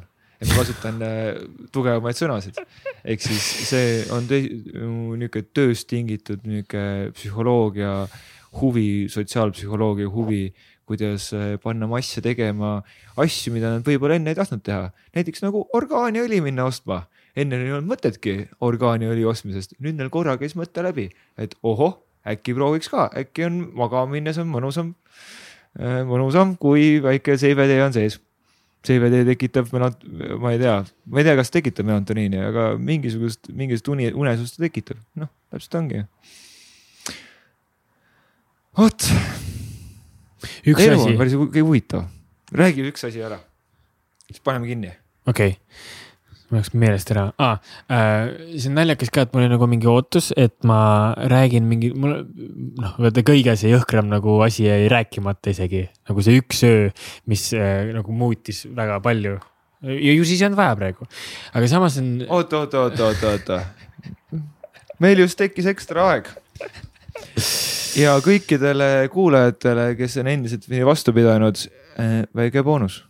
üks öö, mis muutis kõike. Esimene asi ma pean mainima, et mulle meeldis see mõte, mis ma lugesin, et vaata, kui me tuleme tagasi kuskilt ägedast kohast, seminarilt, reisilt, siis me tihti jagame neid kogemusi. ja mis see oht on seal, et me loome distantsi selle kogemusega, et olin mina, kes kogesin seda. ehk siis mina ei olnud see kogemus. või no mina enam ei ole see kogemus, ma võib-olla olin sel hetkel, aga nüüd iga, iga kord, kui ma räägin, jaa, see oli see äge, vaata, ma käisin reisil, käisin seminaril, tegin seda värki-särki, siis justkui nagu nüüd mina olen see tavavend ja siis oli see vend, et justkui loob nagu kaks eri karakterit. ja mul väga nagu mingi hetk mul väga meeldib rääkida ja mingi hetk mul tekkis täiesti kühvel, et oota, aga miks ma räägin kogemust, kui ma ei ela seda Mm. et esimene samm on elada seda kogemust, ma tulen siia, ma olen see kogemus endiselt sinuga. ja kui ma räägin seda sellest kohast, et oma ego boost ida, mis, mis mul on olemas, mulle täiega meeldib tähelepanu ja ma, noh, ma saan aru, et kuulsus ei ole tore olla, aga mingi osa minust tahaks olla ja. kuulus. tegelikult ei taha, aga vaja mingi kogemus, nagu ma vajan seda. ma lausa vajan seda tähelepanu aga samal ajal on see, et kui sa räägid midagi, siis ole enne veendunud, et sa oled see kogemus, et sa elad seda mitte sa ei pritsi seda nagu tühja õhku, et noh, vaata, ma olin see vend kunagi, nüüd ma ei ole enam. nii et ma olen väga ettevaatlik selle kogemusega, aga äh, see oli USA-s. see oli USA-s. hääletasin ülevalt Humboldt County'st, mis on seal põhjas, hääletasin LA-sse, mingi kaksteist tundi autoga sõitu ja kuna USA-s on kõik nii kallis, siis ma kuidagi, või noh, kallis suhteline see raha, mis mul oli, ei olnud nagu, ma ei näinud seda väärtust, sa saad sama raha eest USA-s ühe öö või sa saad Mehhikos mingi poolteist nädalat elada. see on see rea reaalne vahe, mis see on. ja ma otsustasin, ma hääletan ja kõik läks alguses mega hästi, kolmas auto võttis peale, viis mingi sõbra juurde õunu sööma. kinkis mulle võrkkiige, tõesti tunned nagu elu hoiab nii ilusasti ja siis viskas mind järgmisse väiksesse linna maha. ta isegi viis oma koju, pakkus süüa, chill isin, puhkasin veits ja siis läksin oma teed, pani mind järgmise kiirtee maha nii-öelda pealesõidule. juba tunne sees ütleb. mind ei võeta peale. hääleta palju sa hääled, täna siit nurga pealt sa ei lähe auto peale. ja see on nagu vastik tunne. sest sa tead, et see on tõsi. see kuidagi tunnetus on läinud nii täpseks ja see on mu reisi eesmärk, et teha kõike, mis mu sisetunne ütleb. ükskõik kui loll see ka pole. sisetunne ütles, et mine maga kodutute keskuses, läksin, sakkis täiega, pidin minema, tunne ütleb, mine. mõistus ütleb, et ei, ei, ei, ei, sa ei lähe kindlasti, õhtuks ikka oled seal. tunne ütleb, et keegi ei võta mind peale, ma ikka hääletan, hääletan, nutan tee ääres, tantsin, kõike. Palun võtke peale, mul ei ole kuskil magada ja mingi hetk otsustasin, et selge, ma siis kõnnin ringi, ma ei tea, aga ma kõnnin. täpselt sihuke tunne, no kõnni siis. Lähen kõnnin ja jõuan mingisse kiirtoidurestosse, vaatan, see on üheni lahti. seal saab kõige pikemalt olla. hakkab juba pimedaks minema. Lähen sinna restosse ja ma, California on väga palju, Californias on väga palju kodutuid igas linnas, sest seal on see vist kõige lebom seadus. San Francisco no vibe on sihuke, et sa sõidad LA-sse kiirtee peale, sa näed seal telke silla peal, sa mõtled, oo oh,, kas mingi fester käib? ei, nende festival on nende elu, noh, nad elavad seal, et seal on jõhkralt palju kodutud. kui mingi inimene karjub tänaval, see on suht standard. ma kõnnin ja mul on tõesti niimoodi, keegi tuleb vastu, mul on käsi rusikas, mul on tahe, mul on nagu võitle või põgen on suht ukse taga, ma olen nõus praegu inimest ründama, kui mingi oht avaneb. ja ma lähen sinna, istun maha istun mingis kiirtoidurestos kaks-kolm tundi. kirjutan, no mingi paaniliselt mingi, teen märkmeid, mediteerin, no palun tule mingi rahu mu sisse. ja siis keset medikat, ma olen kaks-kolm tundi istunud juba. medikas, Spotify lihtsalt otsustab, et jääb kinni, täiesti suva koha pealt. vaatan vasakule üles, seal on see punane exit sign. esimene asi, mida ma märkan. selge, lähme siis välja. kõndisin ja hakkasid kõndima, ma teadsin, et seal on pirni istandus lähedal, just päeval käisin pirne söömas, seal mega head pirnid olid. ja USA-s on see ka vibe, et igal pool on trespassing, kui sa siia tuled, no ole valmis, et sind no. Kõigil on relv, ma kardan, ma kardan USA-s olla, sest see nagu individualism on nii radikaalne seal, et see on minu property. Ja no ma ei ole kindel, aga äkki võib mind maha lasta siin. sest seal on see nii oluline my rights.